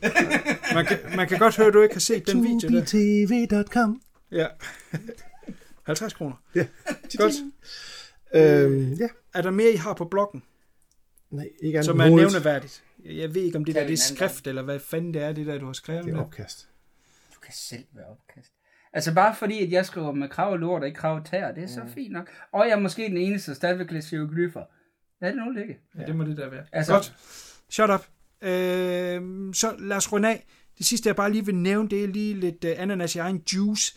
Det er fordi, at øh, jeg har jeg har igennem længere tid gået og tænkt på, at øh, man ser en film, som er, øh, er måske ikke lige helt vellykket, men der er måske en grundessens i den, der er okay.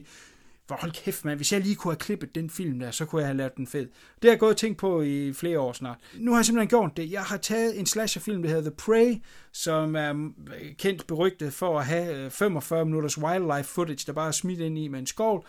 Og det ødelægger jo lidt øh, der flow der, når man ser den, men jeg synes, der er mange ting, der faktisk fungerede i den. Så jeg har simpelthen klippet den her film ned. Der er 95 minutter til en time, så så meget er der blevet øh, klippet ud af den film. Øh, og så har jeg sådan lidt, øh, nu må vi se om, om YouTube lukker mig ned, men jeg har smidt den op på YouTube under navnet Cut by Knives. Så hvis man søger på Cut by Knives, så kommer man ind på den kanal, øh, og der ligger The Prey, og den hedder så De-Animalized Cut, øh, fordi der ikke er dyr med i den. Jeg har sendt den rundt, øh, linket rundt til nogle andre podcast øh, hoveder, øh, øh, slasher hoveder alt muligt. Der kom rigtig positiv feedback, og der er blandt andet en Christian Luciani fra Exploding Heads Horror Podcast, han sagde, det er det eneste rigtig kotte film, og det er den måde, man skal se det på. Det står jeg selvfølgelig som stor kado. Uh. Yes, yes, yes. Ja. Så øh, en rigtig fed slasherfilm, der hedder The Prey fra 80'erne af, nu endelig åbenbart i den rigtige cut. I Director's Cut. I, i, i et uh, the, the Viewers Cut. Jeg har fået mere blod på tanden, og der, jeg vil smide nogle film op øh, løbende, som jeg selv klipper, som man kan sige, de er lidt langtrukken, eller kæft, der var et røget en sideplot, eller hvad det måtte være. Mm. Øhm, gå derind, øh, abonner på kanalen, og så kommer der løbende lort derinde, øh, der er blevet shaped lidt op ved lidt cuts. Jeg kan ikke finde på at tage en film, jeg rent faktisk synes er god, og klippe et eller andet ud af. Nej, nej. Nej. Det er noget, der giver mening. Yes. Sådan. Good. Godt, skal vi fugt fløjten, Yes. og så øh, øh, høre et eller andet øh, trailer. Jeg ved ikke, om der findes en god trailer til den film. Det kommer i hvert fald et eller andet her til Salo, så vender vi tilbage til øh, B og Bræk i øh, Lovtekstrål. Ja. Deboli creature incatenate. Spero non vi siate illuse di trovare qui la ridicola libertà concessa dal mondo esterno.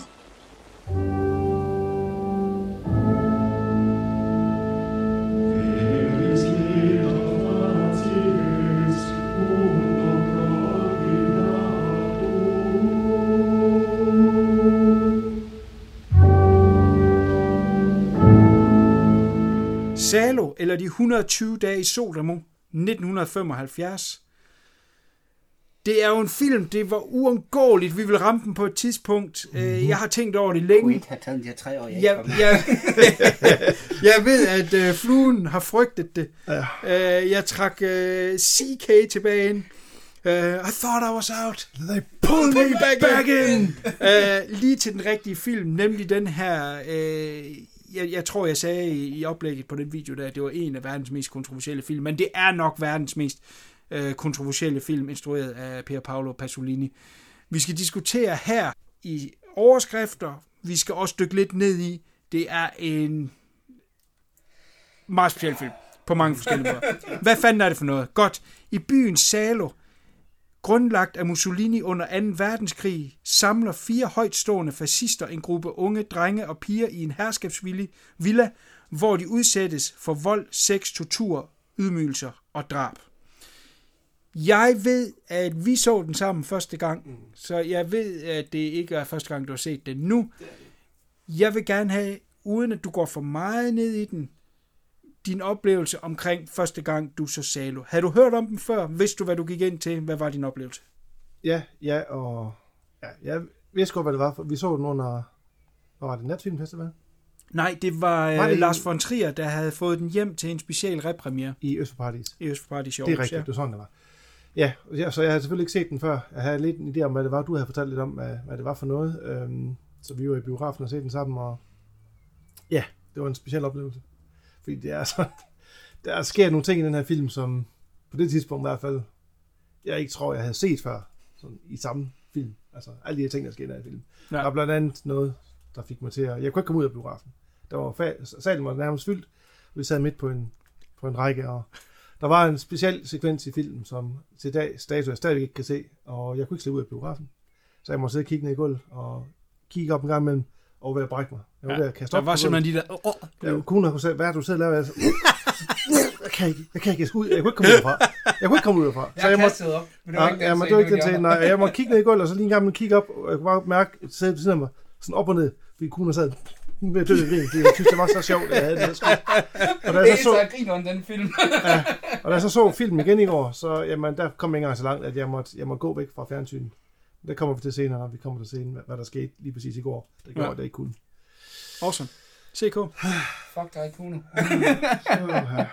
det, øh, det var en film, jeg havde svoret for mig selv, at jeg kun skulle se den ene gang, jeg har set den. Og så er der Kuno, han sådan lidt, ah, men Christian, du, altså, du kan bare sådan, bare, bare hvad du kan huske af den, så tænkte jeg, okay, fair nok, ser den igen, og det gjorde jeg så. Nå, lad os lade den ligge der. Ja. Ja, jeg, så, jeg så den jo så, som sagt, samtidig med, med fluen der første gang, og øh, øh, jeg vidste egentlig ikke rigtigt, hvad jeg skulle med den. Øh, umiddelbart. Jeg kunne godt se, at der var nogle ting i det, og det var noget med fascister og øh, under 2. verdenskrig, og hvad, hvad, hvad, hvad har de gjort ved Italien og alt sådan noget der. Men egentlig vidste jeg ikke rigtigt, hvad jeg skulle med den, og så købte jeg den så på øh, DVD, og den har haft en lidt en sjov øh, øh, tid, fordi at det var Criterion, der egentlig udgav den på DVD først, men så blev den øh, erklæret ulovlig øh, øh, kopi af, af Pasolinis øh, estate der, så blev den trukket tilbage, og der, der var nogle af de der Criterion Collections der, de røg til 600-700 mm. dollars på, på, øhm, på eBay og sådan noget der. Og så har den jo egentlig været væk i lang tid, så det har ikke været sådan en normal accessible film. Men den kom jo så ud i England øh, i, i en boks der, øh, uden billeder på. Sådan en lille hvid papboks, jeg stadig har på DVD, øh, hvor der bare står titlen. Der er ingen billeder foran, der er ingen billeder bagpå. Øh, meget sigende omkring mm. den her film, ikke? Og, og, og måske også lige øh, England. Øh, hvor jeg så så den igen, og ja, jeg vidste igen ikke lige helt, hvor jeg skulle lægge den. Og det var derfor, at jeg var interesseret i at vende den lidt mere analytisk i, i det her forum, hvor vi kunne vende det øh, med hinanden. Jeg så den øh, for en uges tid siden, lavede nogle noter, og jeg synes, der var nogle ting, der faldt på plads. Jeg var sådan intrigued, og så tænkte jeg øh, her for to dage siden, jeg ser den kraftedeme lige igen. Så så fjerde gang så. Og øh, så lige pludselig så blev jeg sådan helt giddy, fordi, hey, nu forstår jeg endelig den her film. Hold kæft, hvor er den der fed. Så ja, for mig har det været en øjeåbner, og du sidder sur, og du sidder ved at brække dig. Men for mig, endelig har jeg egentlig kommet ind i Salo. Jeg er kommet ind i øh, bægen og, ja. og cirkler af blod og afføring. Øhm, Pisse dem med ansigtet. Mm. Altså. Ja, hold kæft, hvor er den fed. Altså, når man først kommer ind i den, og virkelig begynder at se nogle af tingene, øh, så er den altså virkelig øh, fed. Og, og jeg troede inden her, at det, jeg skulle se den den tredje gang, og så skulle jeg aldrig se den mere. Øh, det kan jeg helt sikkert sige, at jeg skal se den noget mere. Du er et sygt, sygt menneske. Ej, Øh, det skal lige siges, Criterion har altså udgivet den igen på Blu-ray. ja, det er fordi, den, den sag er blevet Ja. øh, Fixed. fixed. Ja. Ja. ja. så nu er den mere accessible. Men hvis du snakker midt nullerne, så var, Så så var det det praktisk umuligt, talt øh, umuligt. at få Jamen altså, jeg læste et eller andet sted, at det var først var i 2010, den blev tilladt i Australien. Ja, Australien har Ja. været ekstrem efter, når når man ser på, hvad de ellers har produceret i, Italien, i uh, Australien. Se, du er ved at lave en bytter. Mm-hmm. Øhm, så har de jo ikke været bange for at lave voldsfilm. Nej. Men lige det der, det har de altså så ikke kunne være med til. Og hvad fanden er det så, det hele det går ud på? Jamen, ganske, ganske nøgtern. Det er en skør, skør historie, skreven af øh, Makita Sat tilbage i 1785, hvor han sidder i fængsel, fordi at han skriver de her meget ultrerede historier, som øh, borgerskabet dengang ikke helt kunne forstå eller kunne lide, så kommer han i fængsel. Og så skriver han simpelthen på et stykke toiletpapir denne her skitse til det, der skulle blive en historie, der hed 120 dage i Sodoma. Øh, han får den ikke lavet helt færdig. Han er også bange for, hvis de finder den, øh, så kan han komme i værre problemer, så han gemmer den egentlig i væggen inde på det her, i, i hvad er det her, The Bastille mm. øh, fængsel. Og så bliver den først fundet efter hans død, og så ved de ikke rigtigt, hvad de vil med den, og tør de udgive den og alt muligt, og kommer vist først ud i 1905 eller sådan et eller andet. Så den har, har selve grundideen har haft en meget lang og underlig rejse. Øh, den er mere som en komedie, Øh, det kan man ikke sige, Salo er. Øh, Pasolini vil noget andet med den. Men, men den har meget af det her lidt syge, skøre noget. Blandt andet øh, har jeg, jeg har ikke læst, men jeg har hørt det her med, at øh, der er en mand, der gerne vil lave et fjerde hul i en kvinde, fordi det er ikke nok, at han har øh, tre huller, han kan stikke den i. Han vil lave et fjerde hul, ikke? Altså det er sådan lidt, hvor det bliver så absurd, at det næsten bliver grinagtigt.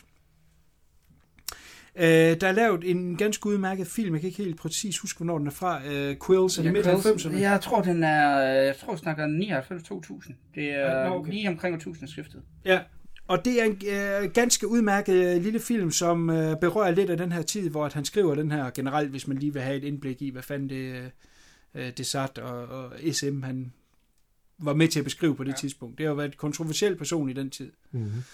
Øh, det, der så er interessant, det er jo så, at den her italienske instruktør, øh, digter, maler, person, KFA, stor instruktør, Per Paolo Pasolini, øh, som havde lavet forskellige film. Øh, han har mange film under bæltet. Nu har jeg læst lidt om ham og blevet lidt klogere på ham. Han var en meget kompleks person, og han kom igennem faser af hans liv, hvor at han for eksempel lavede øh, en trilogi af film, som var meget øh, baseret på sex, og det skulle være erotisk. Men så kom der jo hele den seksuelle revolution, og der kom en masse film, der også ville være sexet. Og så hvorfor er min film, hvorfor bliver de trukket ind under det her? Det er jo slet ikke det, jeg vil. Nu vil jeg lave en antisex-film. Og det er jo så det, der egentlig blev til øh, Salo, fordi der er meget sex i den her film. Man bliver jo ikke liderlig af at sidde og det gør man satan ikke, ikke, så er man i hvert fald syg. så han tager øh, grundideen af, af Desat, og så laver han en film omkring fascisterne under 2. verdenskrig, og det, det kommer jeg lige tilbage senere, hvorfor det er pisse smart og genialt. Men han ændrer jo ikke rigtig nogen, nogen ord i den som så. Det er jo ikke sådan noget, hvor de snakker om Mussolini, eller de snakker om Hitler, eller noget som helst. På den måde er den jo egentlig øh, tidsløs, mm. øh, som, som, som er meget interessant.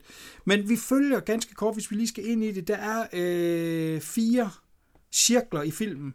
Den første hedder Anti-Inferno, derefter kommer der Cirkel af besættelse, Cirkel af lort, kan vide, hvad den handler om, og Cirkel af blod. Mm. Det er ligesom de kapitler, den er delt op i, og det er ligesom første øh, ting, der handler om fire og den her film. Det er en af de ting, jeg ikke kan svare på, det er, hvorfor alt det er fire i den her film. Det er alt sammen går op i fire på en eller anden skør måde. Øh, han bruger også Dantes Inferno, som er den øh, guddommelige øh, komedie, ja. mm. som en af byggestenene omkring øh, hans udgave af, af, af de 120 dage i Sodoma.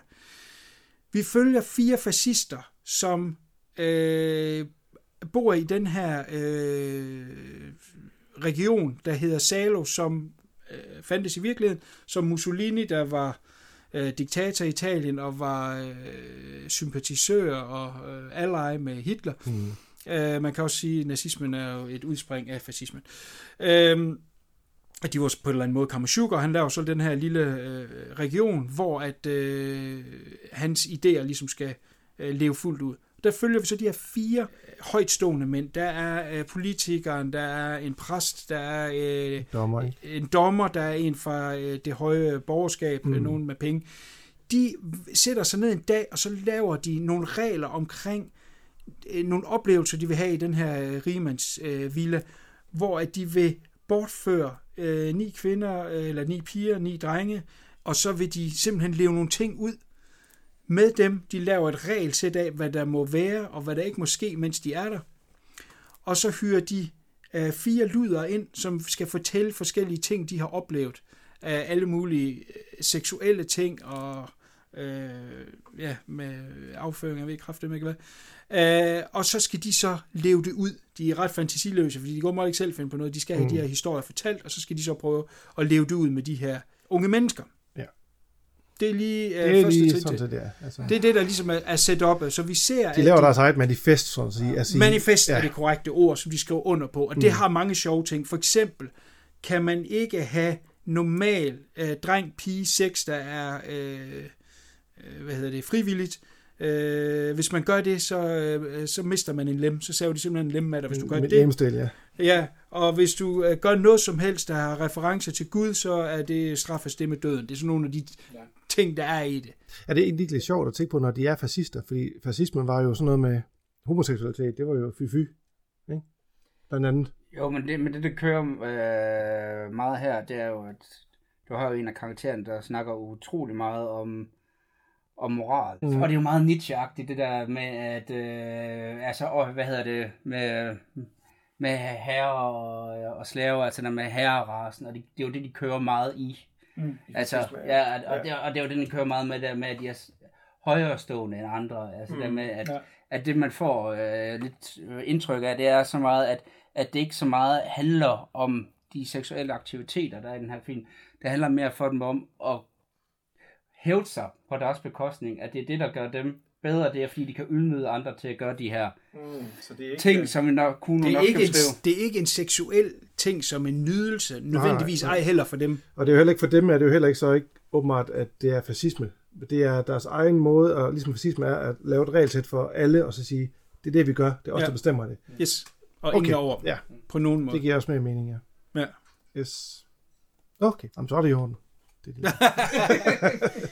Nej, men det er, jo en, det er jo en sjov ting, fordi Pasolini havde jo fat i noget her, som er øh, for det første måske... Jo, det er sgu lidt specifikt til Italien, fordi de har så meget korruption Ja. blandt deres politikere. Og vi skal jo ikke mange år tilbage, før vi havde en fedtnak, der hed øh, Berlusconi. Mm. Og Berlusconi er jo ikke langt fra Nej. en af de her fire. Ikke? En mand, som går ind og tager magten øh, politisk. Han har ejet en avis, som styrede, hvad det var, der blev skrevet om det, han gik og lavede. Ja. Han ejede et fodboldhold, som var en af de styrende fodboldhold i Europa, så han var også inde under sporten. Og så havde han tv-stationer i Italien, som bestemte, hvad det var, der bevis. Altså, der er jo ikke langt fra en person, som øh, kom til magten mange år efter den her film. Nej, nej. Og hvis vi skal holde os til det seksuelle, jamen så er der jo lige nu uh, R. Kelly i Amerika. Jeg ved ikke, om I har set den dokumentar om ham. Nej.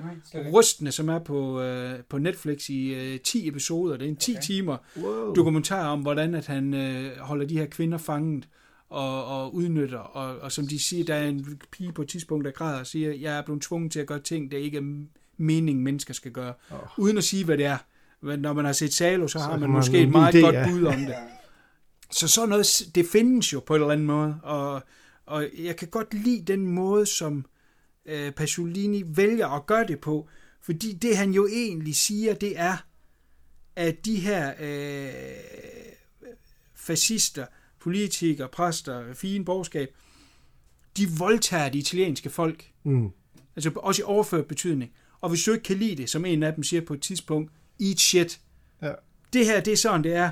Altså eat shit. Og det var jo egentlig, at, at han så jo egentlig, hvad der var ved at ske ved landet. Ja, og fordi... Han var pisse træt, og han var, øh, Pasolini var øh, kommunist. Han gad ikke alt det der, han gad ikke øh, kirken, han gider ikke de der fucking korrupte politikere, ikke? Hvordan billede gør man det? Det er jo egentlig det, han har gjort. Han har siddet og sagt, for hvad, fuck de der øh, syge mennesker, mm. og, og jeg hader dem og alt muligt. Hvordan har han kunne billede gøre det? Det er det, der er blevet til Salo. Så jeg tror ikke, man skal tage det som enkelte brækker, og så sige, ja. jeg forstår ikke, hvorfor de skal hedde lort og alt muligt. Jamen, det er jo en mening med det. Ja. Det er det, jeg sagde før, at Ja. der er ligesom noget i det, som kan retfærdiggøres. Fordi til sidst er det måske også det, man skal spørge, kan man retfærdiggøre den her film overhovedet?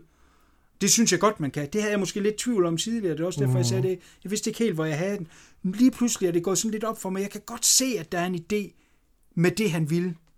Ja, det er jo også affødt af, at Mussolini var jo ekstrem med det der med Ja. fascismen, ikke? Altså, fascisme er jo en ting, men hans version af det var jo... Lige altså, nok. hvis du ikke meget ret, så bruger vi fandme vold. Ja. Så bruger vi ekstrem vold. Og hvad skete der med Mussolini selv? Han fik skåren pik og klunker af, og det blev presset ned i halsen af ham, så blev han hængt. Ja. Ja. Det, vi er over i så ekstremiteter, som kunne passe ind i den her film. Men det er jo også det, altså fases, det er, øh, så vidt jeg øh, er orienteret noget lang tid siden, jeg har haft latin, men det er jo simpelthen de her rispiske her jo, altså det er jo fases. Nej, altså, det er de der bund af, af pinde, der er Ja. bundet sammen, og så er der enten en svær eller en økse, Ja. ja. hvor bladet er ude. Det er det, det kommer fra, ja, faktisk. så, det, så, det er jo, så det er jo i sig selv bare Ja, et, øh, et billede på, på det er det. Det er det. Og det er så et ekstremt tilfælde her. Og det, og det er også det, jeg siger her i den film her. Det, bliver, det giver mening, at han har lavet det på den måde, han har lavet det. Det er billedligt. Ikke gode billeder, men... Nej, Ja, det siger du så, men der kan vi lige... Jeg ved ikke, om vi er all over the place, men det må, det må man tage, som det kommer. Jeg synes jo, det er en utrolig flot uh, fotograferet film. Det er det også. Jeg synes, det er pissefede uh, sets, eller location, de har fundet. Den her herskabsvilla, mm. som er sådan en halv, uh, hvad skal vi sige, klassisk italiensk. Der er noget art deco, vi er mm. i den sidste del af art deco-perioden.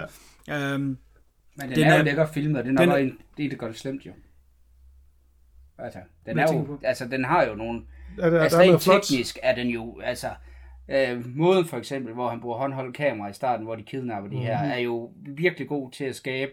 Du har mange af de her kameraer øh, gange øh, i, øh, i huset. Altså, måden den er klippet, måden den er filmet på, er jo super godt lavet. Altså, Ja, ja, teknisk ja, det- set, uanset hvad jeg har følelse af den her film, kan jeg ikke sætte en finger på det tekniske. Og det er det, er så- tekniske sidder fuldstændig skabet, og det er nok det, der er med til at gøre den... Øh, Det, der rammer så hårdt, der er, du Nå, har de her flotte effektivt. omgivelser. Effektivt, ja. ja. Nej, rigtig effektivt, ja. Du har de her flotte billeder, og de her flotte omgivelser, så foregår alt det her. Det er det, jeg mener med grimme billeder. Altså, hvor, nu har jeg ikke selv set det, men jeg har hørt, at sådan noget som for eksempel de der uh, Human Centipede uh, Mhm. mm-hmm. ting, der sørger de for at gøre det så grim og grynet mm. som overhovedet muligt.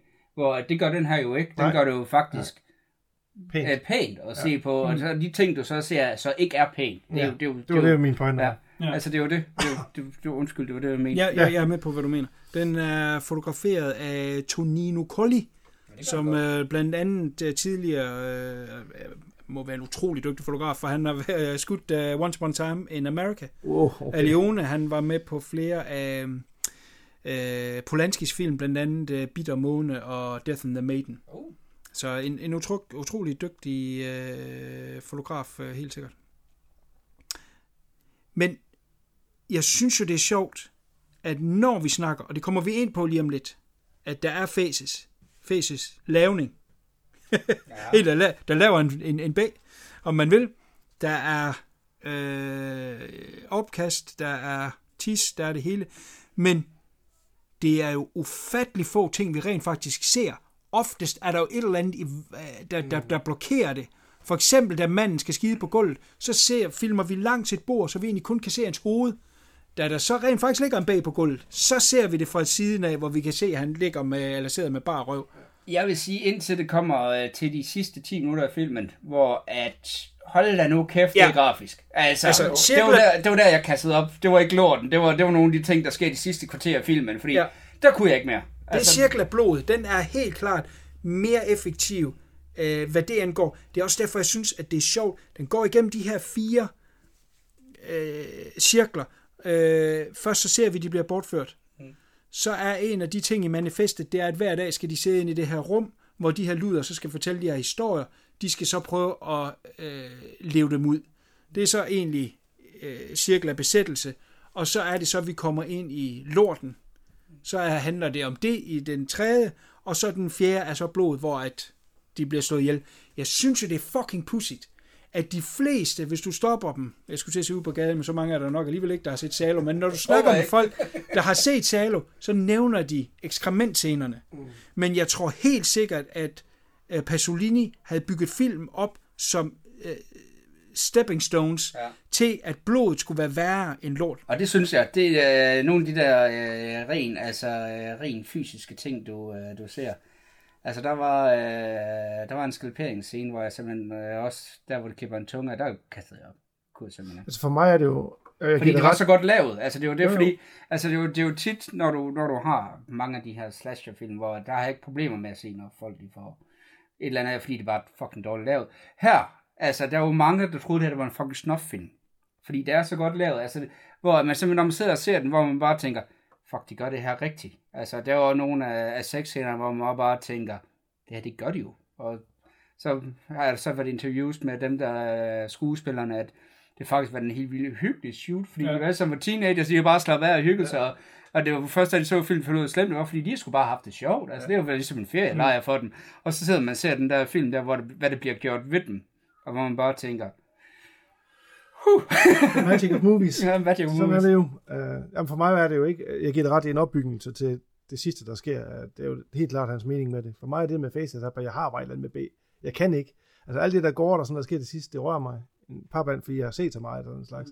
Men lige præcis det der uh, afføring, jeg kan simpelthen ikke. Uh, og så se folk få det serveret i dampende portioner og skal spise det. Det- altså jeg kan ikke. Og så i går, da så jeg så den fandme ikke lige inden det sker, så min lortekat går i kattebakken og skider, så det stinker af kattelort i hele hytten. Og det er sekunder før, den der, de lå, åbner lå på den der sølvfad, hvor de ligger på. Og så sagde jeg sådan her i sofaen, og så min kæreste sagde, hvad fanden sker der? Det får du at se, og så gik jeg over i køkkenet, og så ventede jeg ind til, at den var færdig. Så kom jeg tilbage og sagde, hun det jo fandme mammel. Nå, hun så det, eller Hun så det, hun sagde, Hun er mere jeg borgersen, du har. Jeg. Jeg kan bare ikke, men den sidste scene rører mig ikke. Rører mig ikke i flækken. Jeg kan godt se det tragiske i det, men det rører mig ikke. Altså, Ja. på samme måde. Så det er jo hvordan man lige hvad man har forhold til det, der foregår. Ja, Faces, not so much. Det kan jeg ikke helt uh, håndtere. nej. Sorry to say.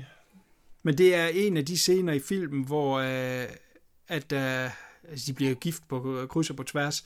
Ja. Øh, men det er en af de her fascister, der bliver gift med en dreng, som så er i brudekjole, der bytter de igen rundt på, på ting. Gender swapping, ja. Ja, og øh, der bliver så serveret dejlig, varm, dampende, dampende Jeg får der snappotter, de er gået sammen sammen. Yep. Jeg får øje for dårligt. Og så sidder de, ja, det sidder i tænderne. Stop. Sidder, sidder lov til, skal jeg lige finde billedet? Men det, men det gode er, at, at det, Jeg skal lige sige, det her det er ikke stage. Manden er rent faktisk ved at op. Er det dejlige, varme, dampende bag? han sidder helt rød i ansigtet, og der, er, altså, og der, jeg begynder at kan se sådan små ting ud af... Uh, Hold kæft, hvor er jeg det vil ønske, vi optog det her. Det gør vi da få. ja, ja, men altså, jeg tænkte Med på det kamera. kamera, fordi... Hold da kæft. Kan jeg ikke lige få noget Pepsi Max? Jo, skal du have lidt at skylde munden med? Nå, Men tænk nu på, at det er jo, det er jo bare chokolade, og hvad var det, orange, øh, hvad hedder det, appelsin, Syltetøj. ja, appelsin syltetøj, og det er noget med, som, at det, at, og det var ting, som overhovedet ikke passer sammen smagsmæssigt. Så, så der, når man ser i, øh, i filmen, det er ved at kaste op, så er det ikke fordi, de spiser lort, men fordi det, de har blandet sammen, stadigvæk smager så horribelt ringe, så det er faktisk... der er, ja. jo, og der er blod på en af dem, man ser. Det er så varmt. Det er mm. en af dem, der er blevet ass-raped. Ja, så Men- chokolade, chokolade, ketchup og øh, marmelade, syltetøj, det er helt klart tre ting, vi alle sammen spiser til, til morgenmad, jo. Den scene kommer jeg aldrig til at komme til at se. og de, og de skal jo så spise det. Det er jo øh, en Ja. del af det, er det der bliver... Rundt om serveret. munden og kysser hinanden og så... Ej, Ja, kysser hinanden med bag rundt om munden. Åh, hvor er det nasty. Nej, du var tæt på at kaste op der. Det var fandme, det var fandme konge. Ja. Jeg kom til at tænke... Ja, ja. Er det okay? Nå, men du kan lige slappe af, mens Skal lige holde fem minutter? Nej, Jeg kom, jeg kom til at tænke på en sjov ting, øh, og det er The Aristocrats øh, joken, som der blev lavet en sjov dokumentarfilm om for et par år siden. Jeg ved ikke, om I har set Der hvor du har jo 100 komikere, der fortæller den på der, hver deres måde. der fortæller den samme joke Ja. om, om The Aristocrats, som jo faktisk er utrolig tæt på det her, Mm. øh, hvor at, øh, jeg mener, de er en familie, som kommer ind til den her impresario, som så skal repræsentere dem, og så siger han, jamen hvad kan I så?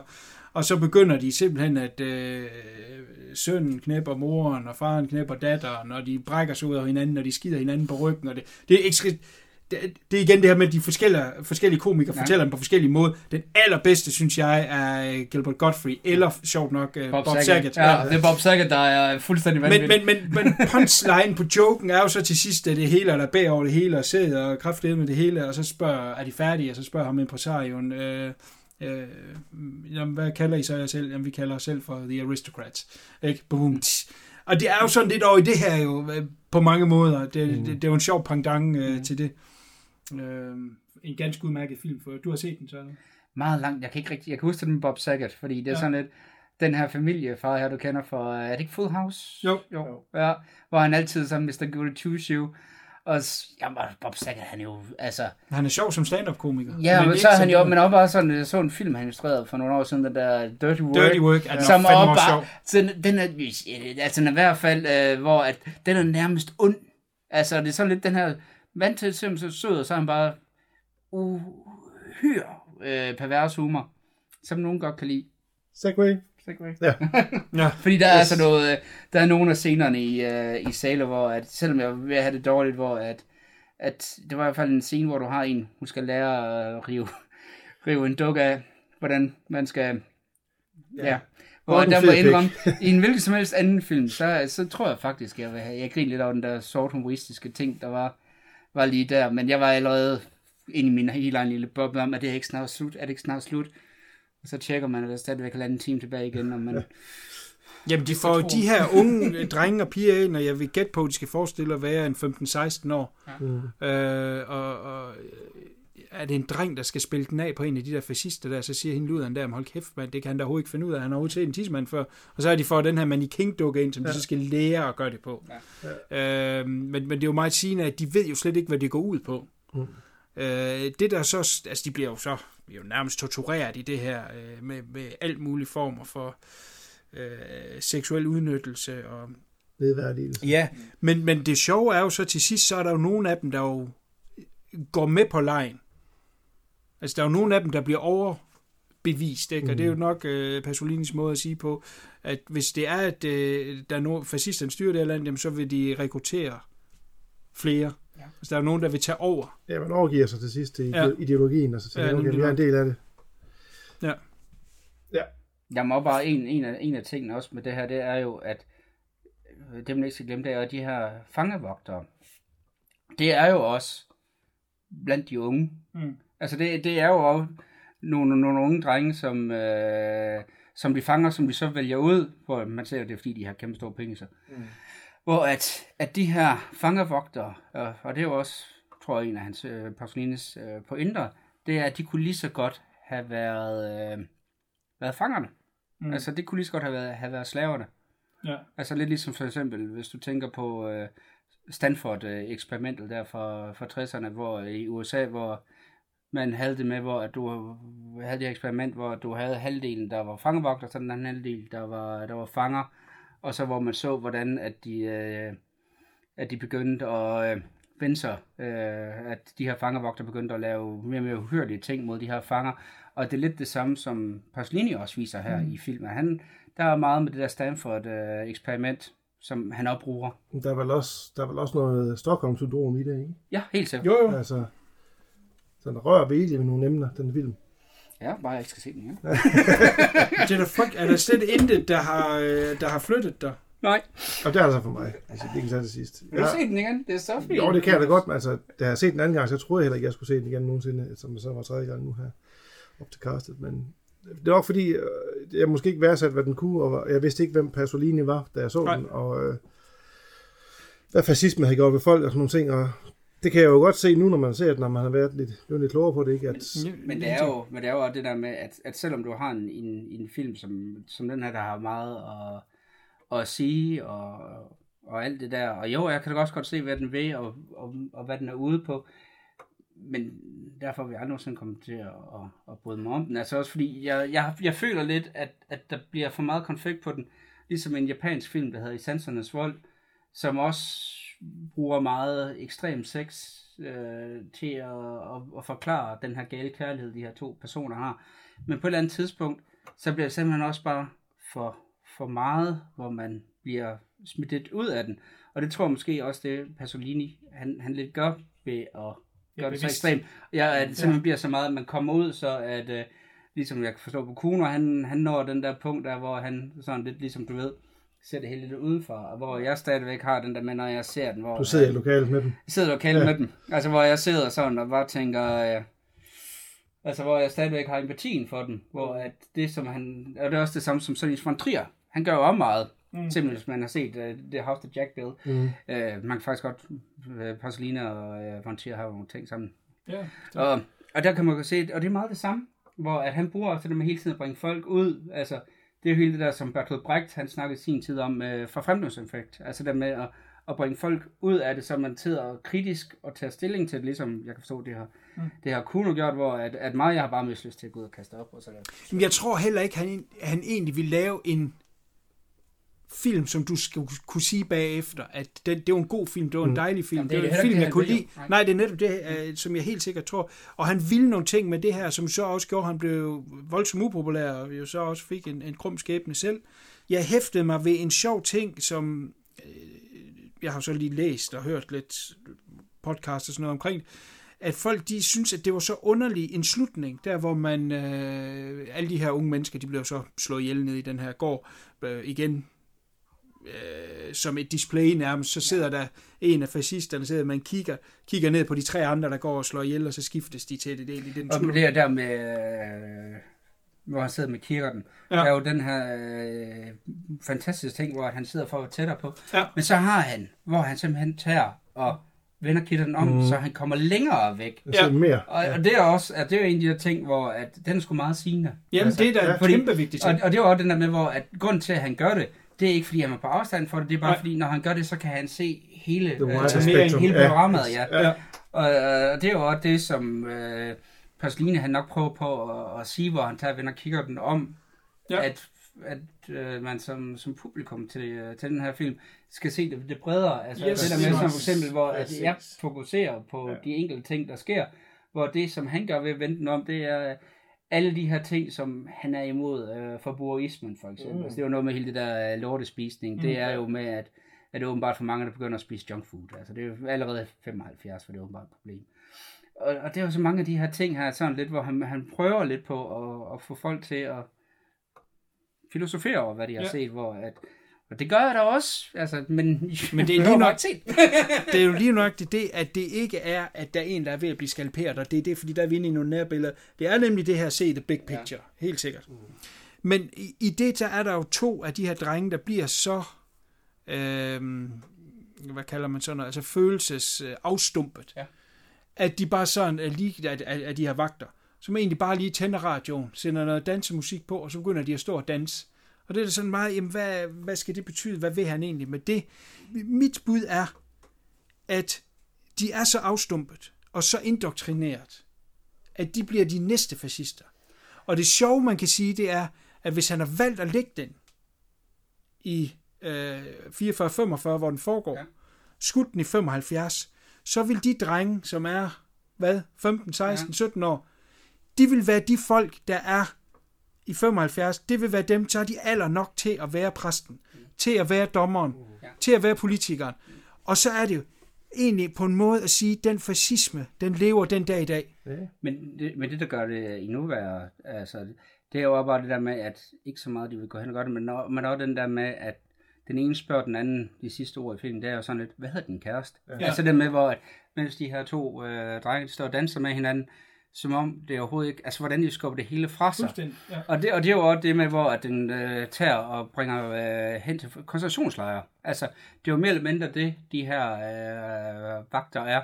Altså, der er jo... Øh, vi ser øh, en, af, en af vagterne, som går oprør mod det, og du Ja. ser jo også pianisten, som begår selvmord og sådan nogle ting.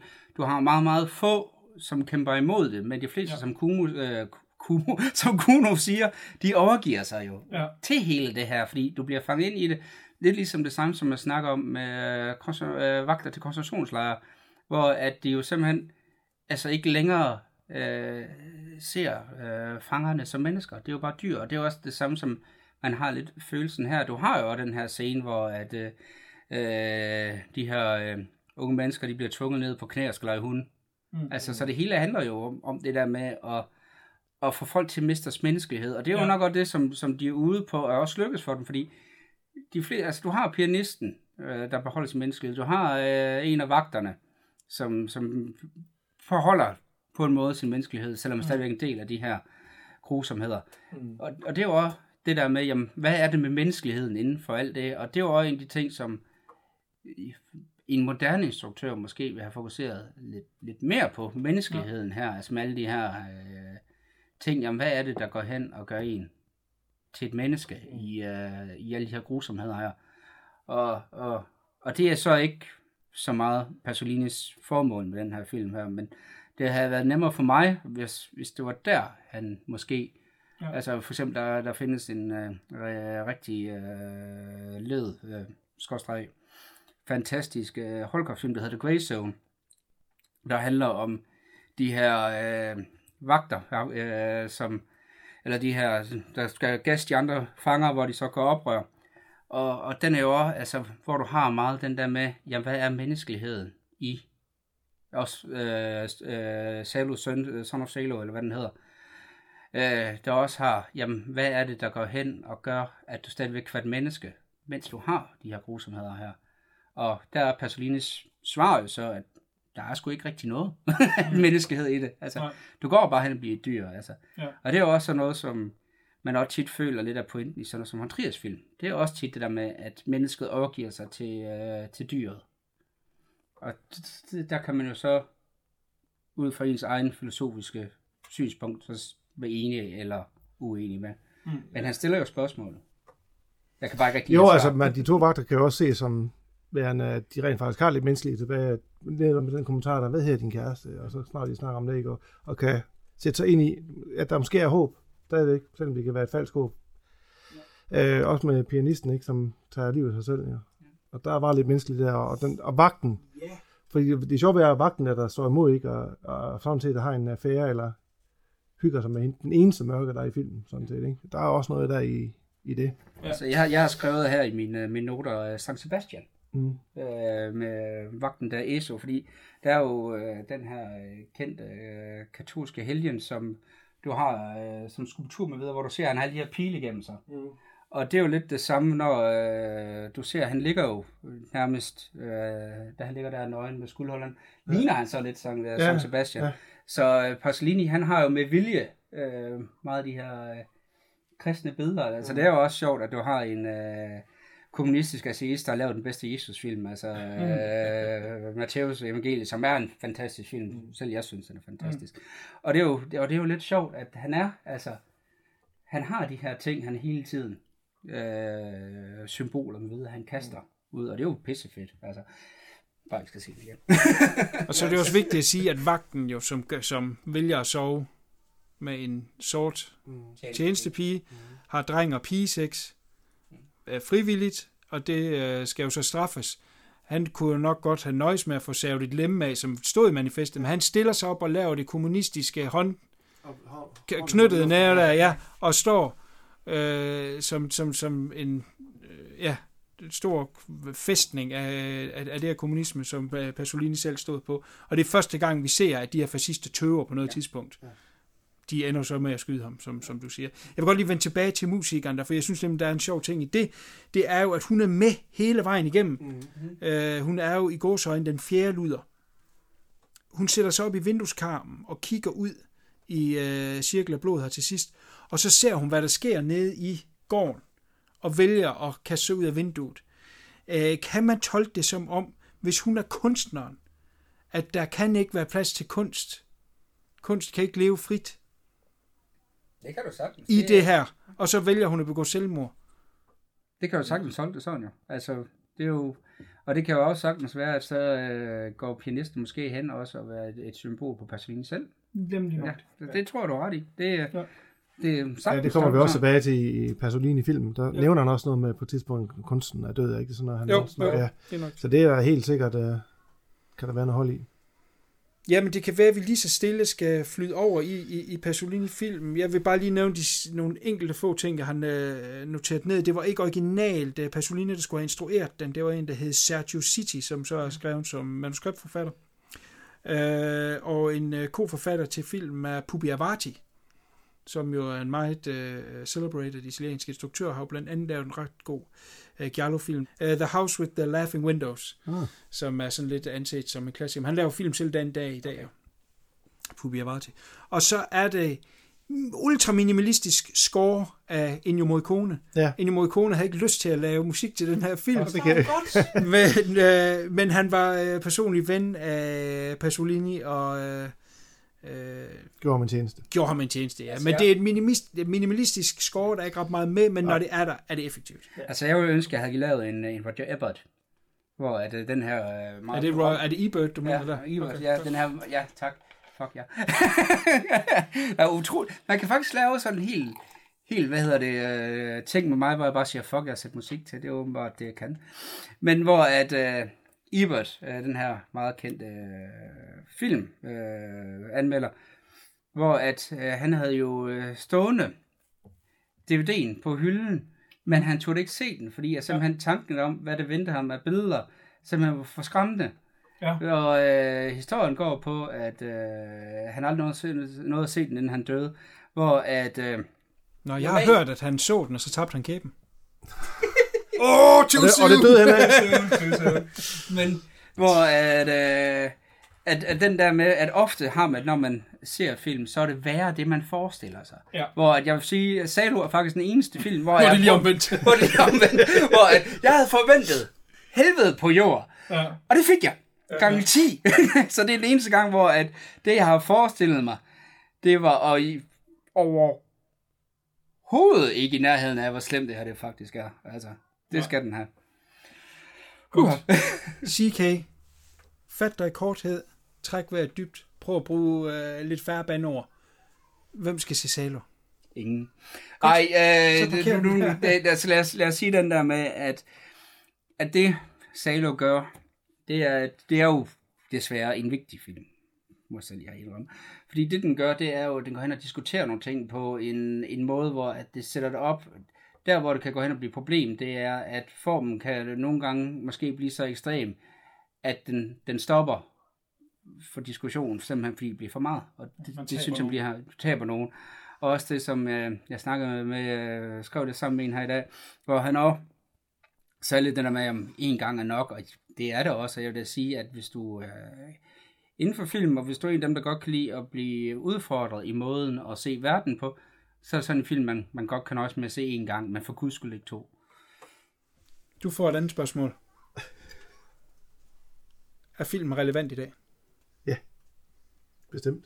Det vil jeg dele mig at sige, men det lagde jeg også selv op til tidligere. Fordi godt nok er fascisme noget, der havde sin kort levetid, men Ja. ja. efterdønninger af det er jo stadigvæk noget, der er Ja. relevant i dag. Og især stadigvæk i Italien. Yes. Helt Så helt bestemt. Og det er ikke en film for alle. Nej. Det giver dig ret i. Men det er en vigtig film Ja. På mange områder, og det er en vigtig film, fordi den har været meget omdiskuteret, og har været, som vi siger, nok en af de mest kontroversielle film Ja. ever lavet. Øh, og jeg kan værdsætte den mere nu, end jeg kunne de første to gange, jeg så den for nogle år siden. Øh, så den har vokset på mig, og den har givet mig noget hmm, momenter. I får ikke mig til at se det en tredje gang. Det, kan Nej, Det du heller ikke. Det er så også fair nok. Jeg vil jo bare sige, ser man den en gang, så har man gjort, så har man aftjent sin værnepligt. Ja. Mm. Så må man selv om vil dykke mere ned i den. Det er igen, det er jo nok ikke lige en, der kommer på Netflix. Det er nok noget, man skal opstøve på en eller anden måde. Øh, Den er i hvert fald ude på noget billigt dansk DVD, mener jeg. Men jeg synes, den er øh, et, et kig værd, og, og prøv at se det lidt, som at vende kikkerten, som CK sagde. Se det lidt op fra, lad være med, åh, oh, de spiser bag, Åh, det var det varmt. Jamen, hvad repræsenterer det? Hvad er det, han prøver at sige med det? Så kan man grave nogle ting frem og få noget øh, ud af det. Vi har været forbi, øh, vi har nævnt hans navn mange gange. Pasolini, hvad sker der? Hvad er det for noget? I 2014 laver El Ferrara en film, der simpelthen bare hedder Pasolini.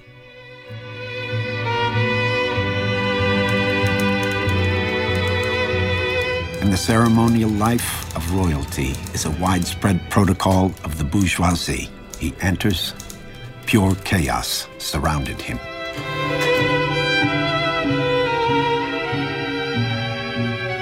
Two guys were killed just around the corner. Rome is finished, my friend. The tragedy is there are no more human beings. There are only strange machines colliding into each other. Let me be frank with you. I've been to hell.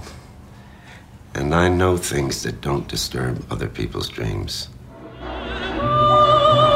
Quelle est la qualification professionnelle que vous préférez Poète, romancier, dialoguiste, scénariste, acteur, critique ou metteur en scène Dans le passeport, j'écris simplement écrivez.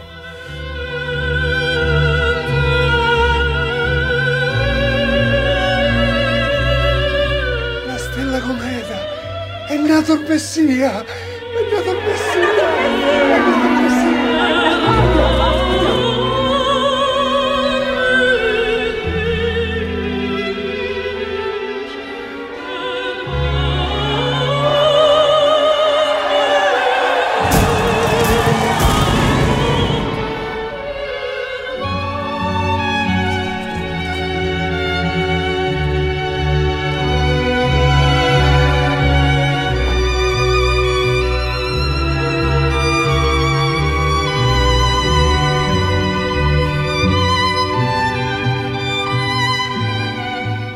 Have a title?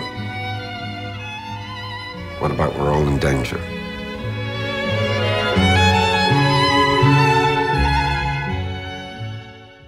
Pasolini 2014, instrueret af en af mine øh, store øh, yndlingsinstruktører, Abel Ferrara. Det er jo noget af en opgave at lave en film om sådan en kontroversiel skikkelse, som han var i Italien, både op til øh, Salo, og så selvfølgelig den kæmpe legacy, der har været i de her over 40 år øh, efter øh, Salo. Han fik øh, hvad skal man sige, råd og materiale fra mange af dem, som øh, Pasolini har arbejdet sammen med, og det, der var egentlig var enstydigt for alle, det var, at du skal ikke bedømme det, han har lavet. Altså, du skal ikke gå ind og bedømme gjorde han noget rigtigt med Salo, for nu har vi jo, øh, især dig, CK, øh, bedømt lidt over det, han har lavet. Det var ikke det, han skulle med film, ikke? Og hvad var det så, Ferrara endte med at lave? Og, og, og er det lykkes? Det er jo så det, vi lige skal prøve at vende ganske kort. Øh, det gik ikke op for mig, da jeg så filmen. Det er simpelthen noget, jeg har læst bagefter, at den følger den sidste dag i hans liv. Mm. Øh, det synes jeg ikke er særlig tydeligt. Jeg vil måske have sagt, at den følger den sidste tid, men det er den, den sidste dag i hans liv. Sidste timer, ja. Han er i gang med øh, de sidste øh, finpudsninger af Salo, og han er begyndt at arbejde på hans næste store projekt, som skulle være en kæmpe øh, epos. William Defoe afbilder Pasolini i den her film, som er de snakker engelsk, de snakker italiensk øh, i en Pærevælling. pærevælling frem og tilbage. Øh, og vi følger ham her i de sidste 24 timer. Øh, jeg har øh, blandet øh, omkring den her film. Øh, jeg, vi har kun set den en gang alle sammen. Mm. Det er måske en, man skal se flere gange. Ja. CK, umiddelbart, din mavefornemmelse om øh, Pasolini. Ja, jeg var ikke positivt stemt, men jeg skal se filmen igen, fordi den var lidt uheldig med, at jeg lige siden set to fantastiske film samme dag. Så øh, og det, skal vi sige sådan noget, jeg har lige set Little Murders, inden jeg så den, som I har været forbi før. Yes. Og der vil jeg sige, hvis man lige ser Little Murders, så er øh, Pasolini lidt en, en, en tynd kop te, så jeg skal lige have den set igen, hvor den står for sig selv. Ja. For ellers så synes jeg sgu, den var, øh, var tynd. Altså det, men igen for mig, Apple Fair, det er hit and miss. Det, nogle gange så, øh, så er det fantastisk, Det- andre gange kan jeg godt springe over det. er jo helt sikkert en film, der nok skal ses igen, og man skulle nok have vid- måske vidst lidt mere om Pasolini. Det vidste jeg, jeg vidste ikke ret meget om ham. Helt sikkert. Han øh, laver absolut ingen tjenester Nej. for folk, der ikke ved noget om det her.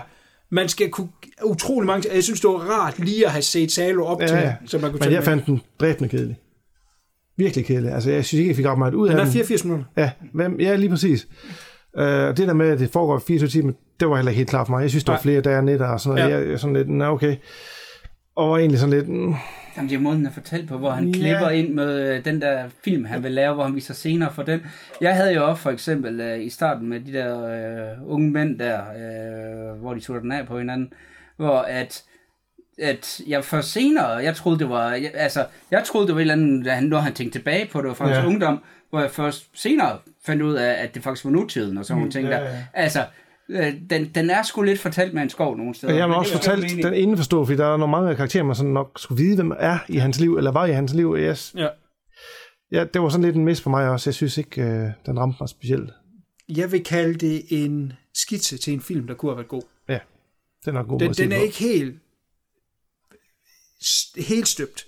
Der, den, den, den springer lidt for mig. Jeg ved godt, at Ferrero nogle gange godt kan lave lidt ustruktureret film, men jeg synes sgu altid, når man kommer ud på den anden side, så føler man, at man har set en film. Jeg er ikke helt sikker på, at jeg har set en film her. Og så synes jeg, der er alt, alt for lidt øh, Defoe deri. Han har alt for lidt at, at tykke i. Der er scener, hvor han sidder og snakker med hans øh, assistent, hvor det er bare sådan noget, tak, nå, ja, okay. Og han er kraftig med en gang på skærmen. Han, man Ja. filmer assistenten i stedet for. Ja. Der er en, der er en scene, hvor øh, William Dafoe, han, han får noget at lave, som, som også er en af de ting, der gør, at det ikke er helt tabt for mig. Det er der, hvor han sidder og bliver interviewet. Mm. Ja, lige nok. Hvor at, øh, de sidder, og, og det er en pissefed scene, hvor at, at man virkelig føler, at Pasolini han får lov til at sige alle de her ting, ja. han føler. Og det er sådan, hvis, hvis filmen bare havde, du ved, været en time og 20 minutter, hvor at du bare fulgte en øh, dramatisering af den her samtale her, så havde det været pissefedt. Ja, Altså, hvis det nu bare havde været en film om, om Pasolini, hans liv, i stedet for de der 24 timer, så tror jeg Ja, også, og at så det den havde her nye film, som jeg ikke helt rigtig forstod. Hvad, altså, hvis, hvis forstår ikke, hvad vil. Nej, fordi hvis det kun er det, vi ser der i, altså øh, han prøver at beskrive, at han gerne vil lave den her film, som han så åbenbart gør i virkeligheden også. Skrev et brev til den skuespiller, han gerne vil have været med. Det er også ham, der er med. Den gamle mand, der er med i, i Pasolini, så går op ad trapperne, ja. er den mand, han spurgte dengang ville være med. Ja. Øh, Jamen, hvide hår, ikke? Ja. Ja. Hvis, hvis, hvis det var øh, hovedessensen af den film, han gerne ville lave dengang, jamen, har den så kun været syv minutter lang? ja, det er det. Hvordan skulle det være en kæmpe epos? Jeg forstår ikke helt. Jeg synes godt, de må skåre det ud. Jeg synes, det er fint, at han ikke vil lave en film om Salo, men han kunne da godt lave en film om det efterspil, der var omkring Salo. Blandt andet, at øh, italienerne ville ikke have den i biografen. Mm. Ikke? Men det er jo en italiensk-fransk film. Og franskmændene, de smed den i biografen. Så stod italienerne der og lignede nogle fucking... Ja. Ja, øh, ja, ja og hvor må vi hellere putte den i biografen? Det kunne da have været sjovt at sige. Og det er jo også noget af det mysterie, der er op ja. til det, som nu har vi danset rundt om den varme grød. Den slutter jo med, at han bliver myrdet, som han også gjorde i virkeligheden. Og det er faktisk aldrig blevet opklaret, hvad det var, der præcis skete. Der var en trækkerdreng, som øh, erklærede sig skyldig og sad i fængsel og kom ud, og så lige pludselig sagde, at det var ikke mig, der gjorde det, jeg blev presset til det. Og hvad har så gjort, at han rent faktisk blev myrdet? Og der er jo så mange teorier. Var det mafiaen, der ville have myrdet? Var det nogle af de her folk fra kirken og de højtstående, som sagde, ej, nu er det kraftedeme med nok med de her film, du laver, som sviner os til, der ville have ham myrdet? Eller er det politikere, der ville have ham myrdet? Men han blev myrdet på en så sindssyg måde. Han fik smadret hans skridt med en øh, form for jernspyd. Det er ikke som man ser det i Pasolini-filmen. Nej, nej. Øhm, så blev han kørt over en bil flere gange, og så blev der sat ild til ham. Ja. Øh, som, Ja. hans, som hans gode ven, øh, Michelangelo Antonioni, sagde, ja. han blev jo myrdet, som var han en karakter i en af hans film. Ja. Kan han selv have planlagt det? Altså, der er jo nogle ting der, man kunne have vinklet. Men også det, som, det var jo også den der med, at en teorierne går på til det her møde her, at der var jo blevet stjålet nogle øh, filmruller af Salo, øh, og han var gået hen for at skulle købe dem tilbage, og det er så det møde, der går galt af nogle teorier. Mm. Ja, der er jo også noget, der siger, at han var meget åbenmund omkring, hvad han vidste, og hvem han havde. Altså, han- der var noget med nogle terrorbombinger, han vidste. Han havde åbent sagt, han vidste, hvem det var, der havde gjort det. Han havde navne på dem. Der var mange teorier, men som du siger, han blev myrdet, hans hoved var knust.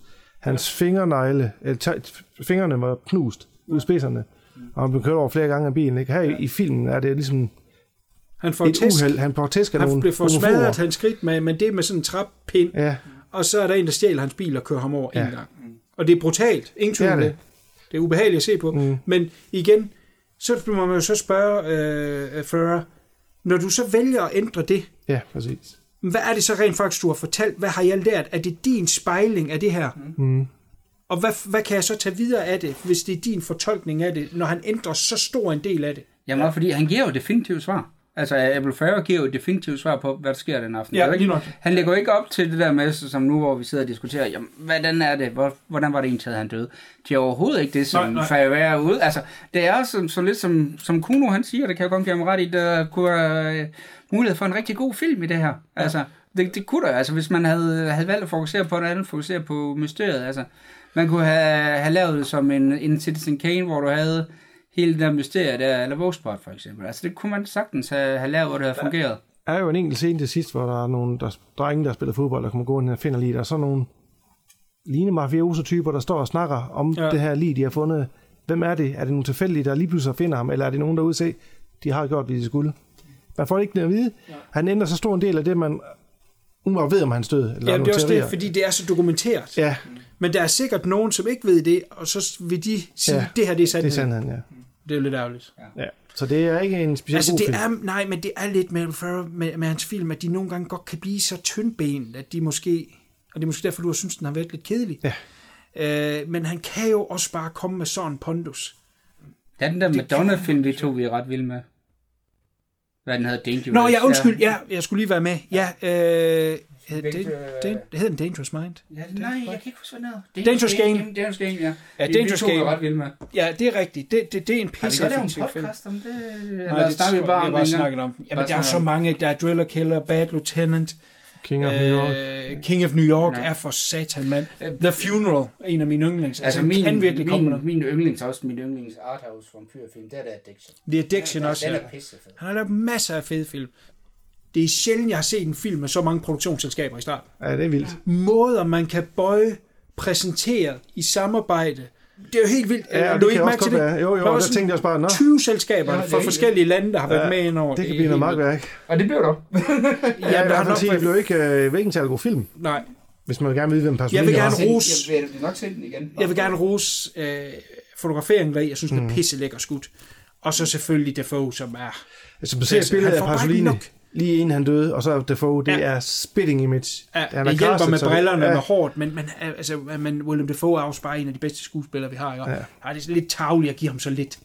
Ja, han har ikke meget at give en af. Han sådan en scene, hvor han bare sidder og siger, ja, Ja, tak, og så er tak. han ikke engang på skærmen. Altså, hvad fanden er det for Ja, det er en underlig film. En underlig valg øh, Ja. at fortælle om Pasolini. Men det er jo som om, at nu når der er 40 år, så skal han jo.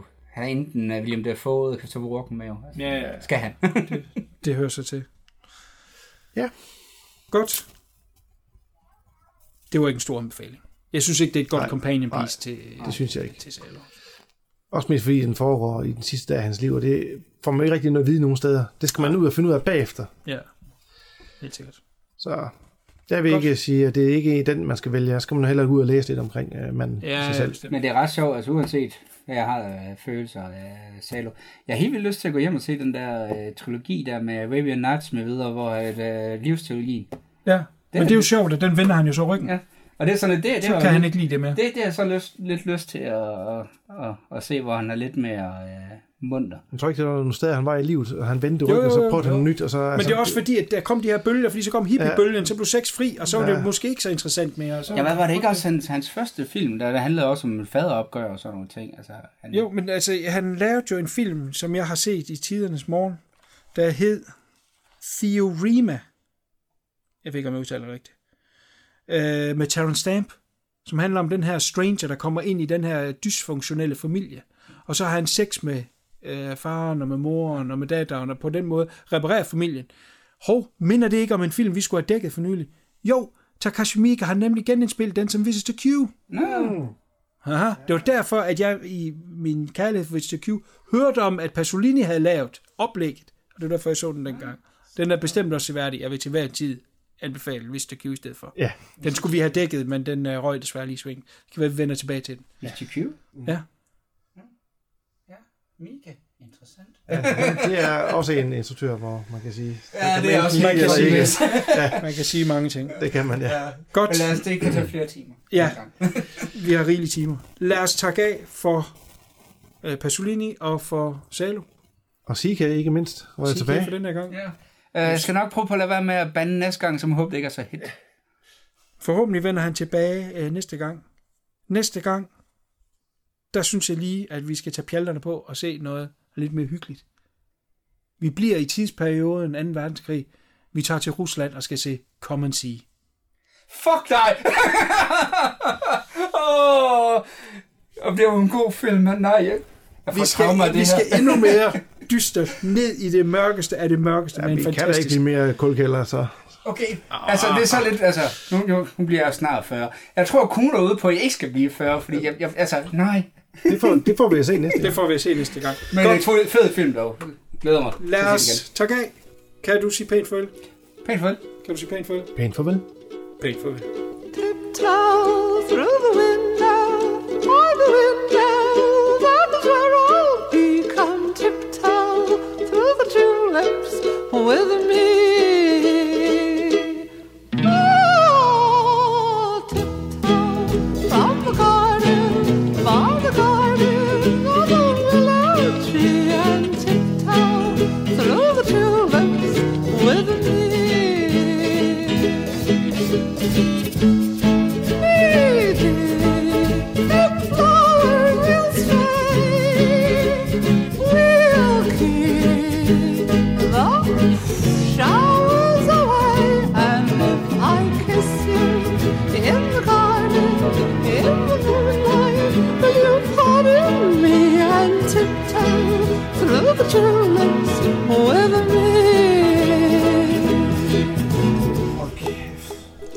Jeg, jeg synes ikke, det er så galt. Nej, men det var heller ikke et fedt svin som det Nej.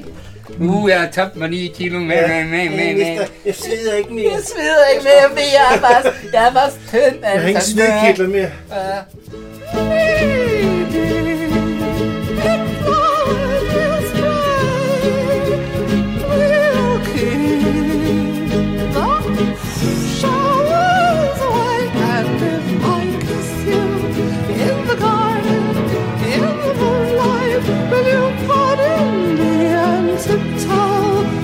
tulips